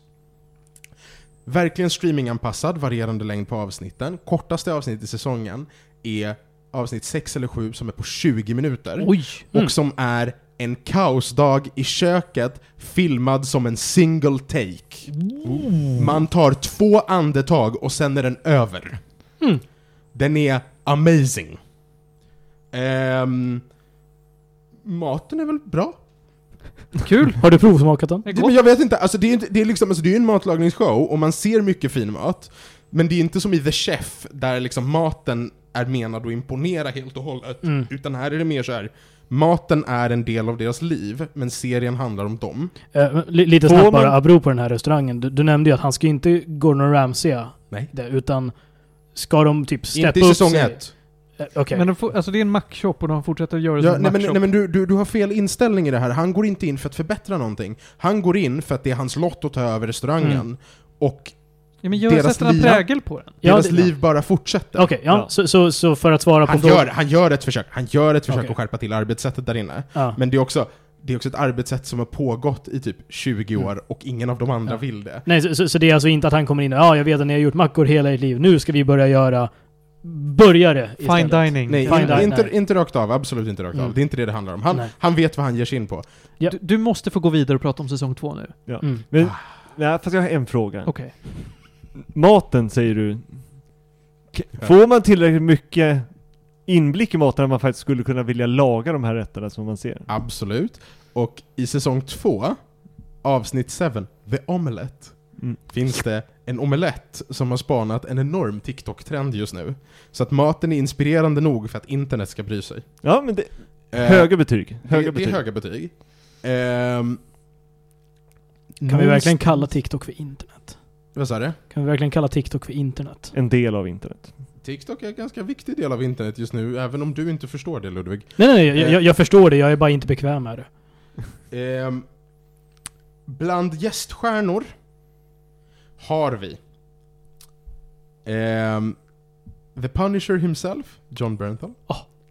Vi har, ehm, vad heter han? Herregud, vad fan heter han? Vi har eh, Bob Odenkirk. Oh. Jaså? Eh, vi har John, John Mulaney vid ett ställe. Mhm. Mm. Och ehm, nu ska jag försöka, jag ska försöka komma ihåg, just det, Gillian Jacobs från Community. Ja, ja. Ehm, och om jag lyckas komma ihåg vad hon heter, för jag glömmer hennes namn hela jävla tiden. Eh, absolut inte. Eh, en jätte, jätte, jättekänd. Eh, Jamie Lee Curtis. Jamie Lee Curtis. Eh, Mm. Förlåt, förlåt. Jamie Lee Ooh Man känner knappt igen Jamie Lee Curtis, men hon, hon gästar också. Ja, kul. Så att även om, även om huvudcasten är i princip ingen som har gjort något innan, så finns det också liksom ett riktigt kapital av skådisar. Mm. Eh, Maddie Matheson är med. Han är ju då, för den som inte vet, lite av en eh, eh, kock med stark personlighet som ofta är med i rutan på olika sätt. På Ja. internet, TV. Han, han gjorde mycket artiklar med Vice. Ja men det är det, nej, men Mm. det, det är precis det. Eh, kanadensisk kock som har anammat rollen av stor tjock vit hillbilly och som har blivit känd genom Vice och Munchies. Mm. Det är precis där han har blivit känd. Vi äter ju här- ofta ett av hans recept eh, här. Jag lagade det ju så sent som för någon vecka sedan, Ludde. Eh, bakpotatisen. Det är ett Matt, Matthew Okej. Matthewson-recept. Ja det är det. Och det är ett toppenrecept. Jag, Jag- jag, jag tror, för det här, är, det här är inte han som har gjort videor för Bon Appetit. Nej. Nej. Du tänker på Brad Leone? Kanske... Stor vit hillbilly med tatueringar. Ja, nej, han- Nej, han jag, jag, jag, jag, tänker på en, jag tänker på en flint... eh, Nej, absolut inte. nej. Nej, absolut Okej. inte. Du kan bildgoogla Matthew Matthewson. Ja. Uh. För han är väl... hillbilly-versionen av lite så här Guy Fieri. Ja, absolut. Mm. Mm. Absolut, Verkligen, verkligen. absolut. Ehm, Jag trodde Och jag Guy bättre Fieri var hillbilly-versionen av Guy Fieri. nej, nej, nej, nej, nej. Nej. Matthew Matheson är nog hillbilly. Men han är så här wholesome hillbilly och gör mycket bättre mat än vad Guy Fieri någonsin har gjort. Men släpp det. Ja. Eh, Matthew Matheson spelar den gode familjevännen Neil Fack. Även känd som The Fack. Väldigt många jävla namn. Ja, väldigt I- mycket. Alltså så jävla bra namn. Ehm, Abby Elliot spelar systern Sugar. Det är alltså eh, också så här SNL-komiker typ. Ah, ja, hur som helst. Bra, eh, jättebra liksom actor performances. Kan du snälla prata om säsong två snart? Jag vet inte om jag borde göra det. Varför inte då? För den har precis släppts och jag Jaha. vill jättegärna att ni kollar på det här. Säsong två är tio avsnitt. Den tar en helt annan riktning. Eh, casten skingras i olika personliga missions och resor. Man får lära sig mer om dem på flera olika sätt, men det är också en distinkt sämre säsong. Mm. Mm. Och det har att göra med att man väljer att introducera en karaktär med en relation till Carmen som absolut inte känns som att den hör hemma. Det här har ingenting med seriens syfte att göra och nästan alla interaktioner är konstlade. Typ för att man ansträngt sig för mycket för att skriva dem. Ja, nej, Mm. för det låter som, säsong ett så är ju en del av skärmen just jargongen mellan karaktärerna Typ. och samspelet. Typ. Så att ta in en karaktär som helt plötsligt sabbar den biten, är väl det som gör att så här, det, då tappar man lite den feel good atmosfären Ja. som har skapats. Ja, absolut. Absolut. Om man, om, man, om man bestämmer sig för, om man bestämmer sig för att liksom accept suspension of disbelief eller vad det heter. Mm. Eh, och, och säga att okej, men hela den här arken med den här karaktären och interaktionerna är typ rimlig. Då knyts säsong två ändå ihop på ett alltså, Okej. på ett okej, på ett fint sätt. Ja. Men då måste man också kinda gå in med att jag kommer bara acceptera det de kastar åt mig utan att vara kritisk Ja. kring hur det skiftar i kvalitet. Mm. Ehm, fortfarande väldigt sevärd serie, går ju att blästa igenom. Jag tror det längsta avsnittet är ju liksom under timmen oavsett liksom, Ja. var man letar. Eh, 8 plus 10, precis, 18, 18 avsnitt. Eh, ligger på... Ligger på HBO eller Disney? Disney Plus är det. Disney Plus i Sverige va? Ja, exakt. För det är en Hulu-show och det har vi inte. Mm. Ehm, mycket, mycket sevärd. Vi blastade liksom igenom de fyra sista avsnitten igår. Alltså, ni, hade, ni var on a roll. ja, kul. för att vi hade sett säsong ett i Grekland. Mm. Och så bara, vi tar oss an säsong två, vi började den i helgen, var klara igår liksom. Det, det, det går. Det är en väldigt, väldigt bingevänlig serie. Eh, väldigt tro, alltså, believable kriser. Det är liksom inte bara så här. den här krisen dök upp för att de behövde ha en kris, utan det är bara så här. Det, det händer något illa och man bara, det är precis det här som skulle ha hänt nu. Alltså det här är helt rimligt. Eh, och de tacklar, karaktärerna tacklar alltid kriserna precis som man tänker sig att deras karaktärer ska tackla kriserna. Det är verkligen välskrivet. Det är så jävla välskrivet. Vad kul. Det är en, det är en, det är en solid nia, och... Ja, Tror du att det kommer komma mer efter säsong två? jag tror att det kommer komma mer efter säsong Ja. två, men vi Ja. befinner oss mitt i en writer strike. Ja. Ja, den är inte ens... På grund av Writer Strike är den inte ens bekräftad att den har blivit renewad än. Nej, exakt. Så att vi, vi, kommer inte, vi, vi kommer inte veta så mycket om det. När de annonsade ju säsong två typ två veckor efter säsong ett. Så att hade de varit på gång med något så borde det, vi ha hört något om det snart. Ja. Men, men jag tänker att allt har saktat ner just nu, så det är bara att ha tålamod. Mm. Eh, jag rekommenderar att titta på den här. Jag ger den... Jag tror fan jag ger den... Jag ger den nog ändå en, en, liksom en solid jävla eh, nia. Oj. Den är jättebra. Även fast säsong två är sämre, är den jättebra. Just det! Just det! Vad fan, Joel McHale från Community spelar Jaså? också i den. Alltså det är så här, det är mycket bra, och vad heter killen utan ögonbryn? Utan ögonbryn? Nej, men killen med de speciella ögonbrynen, du vet. Ja, det är Will Poulter. Ja, Will Poulter är också med i den. Aha. Han som spelar Adam Warlock i Guardians 3 och så vidare. Är det det han gör? Ja. Och, Jag eh, och, och, Guardian 3. och yngsta i... eh, Vad är den, vad är den heter nu? Är det han som är upprörd över Nej, att... inte Narnia utan... Han eh, spelar i Narnia. Ja, jo men Ja, det det, då är han det samma. Det är, han är ju upprörd är på att när man googlar... The guy with eyebrows, så är Ja. han som Ja. dyker upp. Ja, men... Han sa det är fortfarande jag. Mm. Ja. Varför Mm. kan inte någon annan ha tagit över? Nej, jag har nej, ändå gjort andra grejer nu. jag, jag tänker på den här You- you're, you're getting paid. Ja, jag vet precis vilken Jag, film bara, du jag kan menar. bara inte komma på vad fan den heter. Meet the Parents? Nej.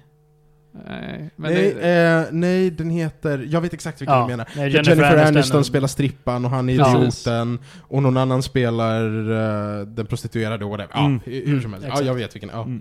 Ehm, dottern där kanske med i American Horror Story.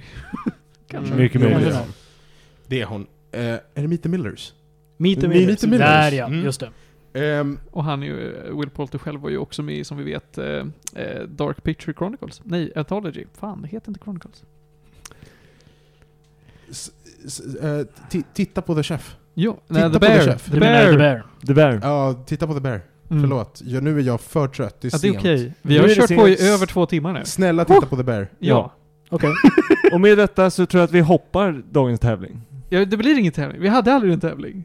Det fanns ingen tävling. Och om Nej. det fanns en tävling så hoppar vi den. Ja, Jag har, jag har en fråga som jag Men- skulle men- kunna ha en men- tävling på, men, men- skiter i Men det. Martin, Ma- Martin, vet du vad du gjorde nu? Du bröt illusionen. ja, det för nu, tävling. För Theo gav dig en out här. ja, Ja, men alltså jag nu, outade mig själv. ja, Nej, du Nej. gjorde motsatsen till out. Käften. ja, alltså du bara, du var så pass trött att du missade min snygga, nu försöker jag bara dölja det här och i sann podcast-anda så pratar vi om våra missar istället för att gå vidare. ja. Mm. ja, absolut. Eh, jag har en sak innan vi ska ta tre snabba. Jag har sett Across the Spider-Verse. Kul. Jag hade inte kul när jag såg den. På riktigt? ja, Ja. typ, jag var skitförbannad hela tiden. Det är en 8 av 10 som kunde varit en 10 av 10. Jaha. Den är bättre än vad jag tyckte att den var. Äh? Den är bättre än vad jag tyckte var. Jag, det är jag, jag satt och avskydde varenda sekund nästan. Varför, varför var du så arg? Gwen är sämst. Ja, okej. Ja. Nej men, Men, ja. men alltså det är en jättebra film. Jag bara, jag, det är bara mitt fel att jag stör mig på allting. Okej, är, är Men du Gwen- låste dig på en grej och kunde inte släppa det, så det du har- kunde ja, inte det- njuta jag av har resten. ett par grejer till, men vi ska inte dyka ner i det. Men okej, är, är, är Gwen tillräckligt dålig för att hennes Pixie Cut inte ska kunna kompensera för det? Ja. Oh. Eh, Gwen är för rimlig, eller snarare för perfekt. Eh, Ja men det är lite Mary Sue-problemet. mm, absolut. Det är framförallt hennes dialog där hon alltid har den mest based manuset. eh, och ingen lyssnar på henne ens då. Då blir jag förbannad för att Spindelmannen handlar om, i det här fallet om Miles och hans tonårsproblem. Och han, Aha, är, han okej. har, för, för det mesta så är han bra. Mm. Ibland är han lite för perfekt också, då blir jag arg. Men, men som sagt, det, det, det kunde varit en 10 av 10. Den var en fröjd för ögat 99% av tiden tror jag. Ja. Mm. Men vad, vad, kul att du, vad kul att du ändå har självinsikten. Oh ja, jag gick ut därifrån med Saga och Emil bara, jag hatade den, den är, per, den är skitbra. Ja, eh, det, var, det var det. Nu har jag fått säga mitt om Spindelmannen. Ja. Men Kom har inte du tre... mig om det här. Jag vill aldrig prata om Spindelmannen igen. Ja. Nu pratar vi om tre snabba. ja, du har tre snabba i alla fall. Gud ja. Ja. Den första... Nej men stopp! Nu håller du käft. Stopp! Vi ska begå Barbenheimer Ja, det ska vi göra Mm. på lördag. och prata om det i nästa avsnitt. Ja. det kommer jag missa. Du kommer missa att vara med och prata om Barbieheimer. Ja, säkert det också kanske. Men jag Vill kom... du vara med och se Barbieheimer? Ja, men det kommer jag missa. Det var det jag Ja, konstaterade. det är på lördag, så då kan du inte menar du? Nej, Mm. det var det som gjorde att... Ja. Vad tråkigt. Ja, Very sad. det hade jag tänkt fiska efter. Har du scout? Nej, jag ska spela brädspel, men... Prioriteringar Theo. ja, jag Tyvärr, kanske... Barbieheimer är ju en heldagsaktivitet. Ja, Så att. jag har eh, skjutit upp... Det är andra vänner jag har trampat på tårna som Mm. jag inte kan trampa på alla deras tår hela tiden. Då har de inga tår kvar. Spara en lill tå. ja, exakt. precis. Det är såhär, okej, nej men vi löser det här nu. Jag eh, beklagar. Du kanske kan lösa en Barbieheimer själv. Ja, jag kanske gör en klassisk Theo och bara tittar. Vilken tid går ingen på bio så jag får se det här själv? Eh, Nu tre snabba. Ludvig, nu måste du sluta svinga din kuk. det kan du inte. Det här är, må vara ett medium där lyssnaren inte plockar upp det. Men det är opassande. Theo Baltor. Du kan inte stoppa mig Martin. Jag du ska, sitter prata, för långt bort. jag ska prata om tre snabba. Den första kommer provocera dig och förvåna dig. Nu Jaha. pekar jag först på Ludvig, sen på Theo. Ja, det är Dinosaur. Den fantastiska filmen jag som barn trodde hette Äventyr bland dinosaurier, men som bara heter Dinosaurier. Alla dagar. Alla dagar. Eh, det är av vissa ansedd som den sämsta animerade Disney-filmen någonsin. Jag tycker det är en helt okej film. Jag var positivt överraskad. Jag skulle inte säga att den är bra, bra. Men jag tycker den är över OK. Jag var underhållen. Du skakar på huvudet Ludvig. Ja, vi, vi har redan haft den här diskussionen. Ja. Jag, jag, jag tycker den är så extremt tråkig. Mm. Om du jämför med landet för länge sedan. Så är Landet för länge sedan en mycket bättre film. Ja men då, tack. Mm. Det var allt jag behövde veta. Jag behöver alltså inte se den här filmen. För, för, Du har sett den här filmen? Dis, Har- Disney, ja, det kanske jag har. Vi var jättesmå. Jag var kanske fyra. Den kom ut år 2000. Di- Disney-filmer Jaha, traditionellt sett brukar ha charmig animation och charmig story. Dinosaur har ingen av dem. Därför Nej, att animationen nej, är, ja, är bara, är bara eh, de har filmat riktiga platser och liksom bara fotoplantat in eh, då, dåligt rendrade dinosaurier Holy fuck, nu kommer jag ihåg den här. Och storyn är... Ja det är den! Storyn Den är är, är, är basic? AF med bara massa karaktärsstereotyper överallt. Det finns liksom ingen originell karaktär någonstans. Du, Det enda jag märkte var att det var typ oväntat mycket vuxna, alltså typ såhär vuxen eh, skämt i den. Alltså, inte, alltså inte så här välgömda vuxenskämt som Pixar, utan vi ska upp i ett träd för aporna ska knulla. Eh, så nu samlar, vi alla, nu samlar vi alla, alla aporna i ett träd och så hänger de och dinglar i lianer eh, och sen drar de upp och knullar. Och, och det, var, det var den scenen. Du är så upprörd att jag nästan hade velat dra ut det här till ett helt ämne. Det ska vi inte göra idag. Men alltså, jag, jag vill försvara den här filmen. Jag tycker karaktärerna är intressanta och välskrivna. Det är nästan som man behöver se om den för Ja, att jag- kunna käbbla om den. Ja, men vi såg om den. Jag, Saga och Ludvig såg om den. Var så här, nej men nu ska vi ta en, en gång för alla säga vad vi tycker om Dinosaur. Och jag jag, satt, ihåg- och, som en, jag satt som ett tänt ljus. Men alltså, du, Saga var ryckte på axlarna och du var lite negativ. Ja, men det var hela spektrat helt enkelt. Ja. Och med det tar vi nummer två. Ja, vi måste göra det. Vi måste tyvärr gå vidare. Då ska vi prata om spel. Nu har jag spelat alldeles för mycket Mount and Blade 2 Bannerlord. Det är bättre än Warband. Har du aldrig rört Mount and Blade, gör inte det. det är en sorts krigssimulator där du ska ta över ett medeltida rike. Det är verkligen inte perfekt någonstans. Det är gjort av en liten studio med en väldigt liten budget. Men det är Det finns hjärta. det finns hjärta och det är avancerat på typ samma sätt som EVE Online är avancerat. Men man ska liksom inte ge sig in i det där. Rota inte i det där träsket. Har du spelat Warband, ska sägas, har du spelat första spelet och funderar på om du ska köpa tvåan, ja men gör det. Det kommer vara en bättre upplevelse.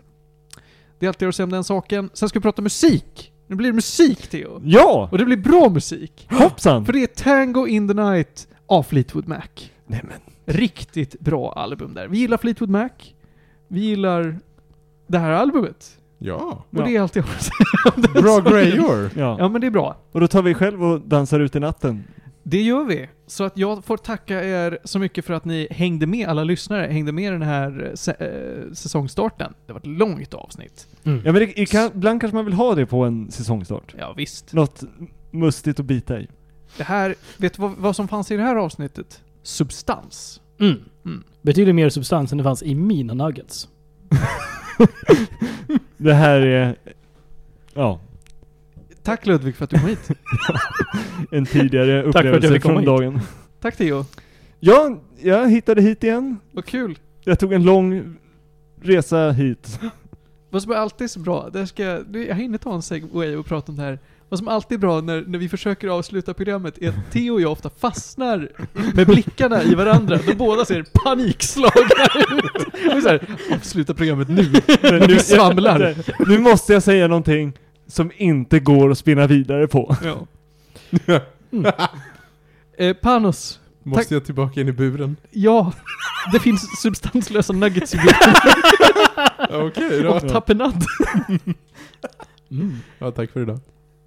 Hörni, nästa vecka, nej näst, nästa vecka blir det, när nästa avsnitt kommer, då ska vi prata bland annat om Shenmue-trilogin och om Pokémon Scarlet. Det blir kul. Barbenheimer. Och Barbenheimer. Tills dess, puss och kram.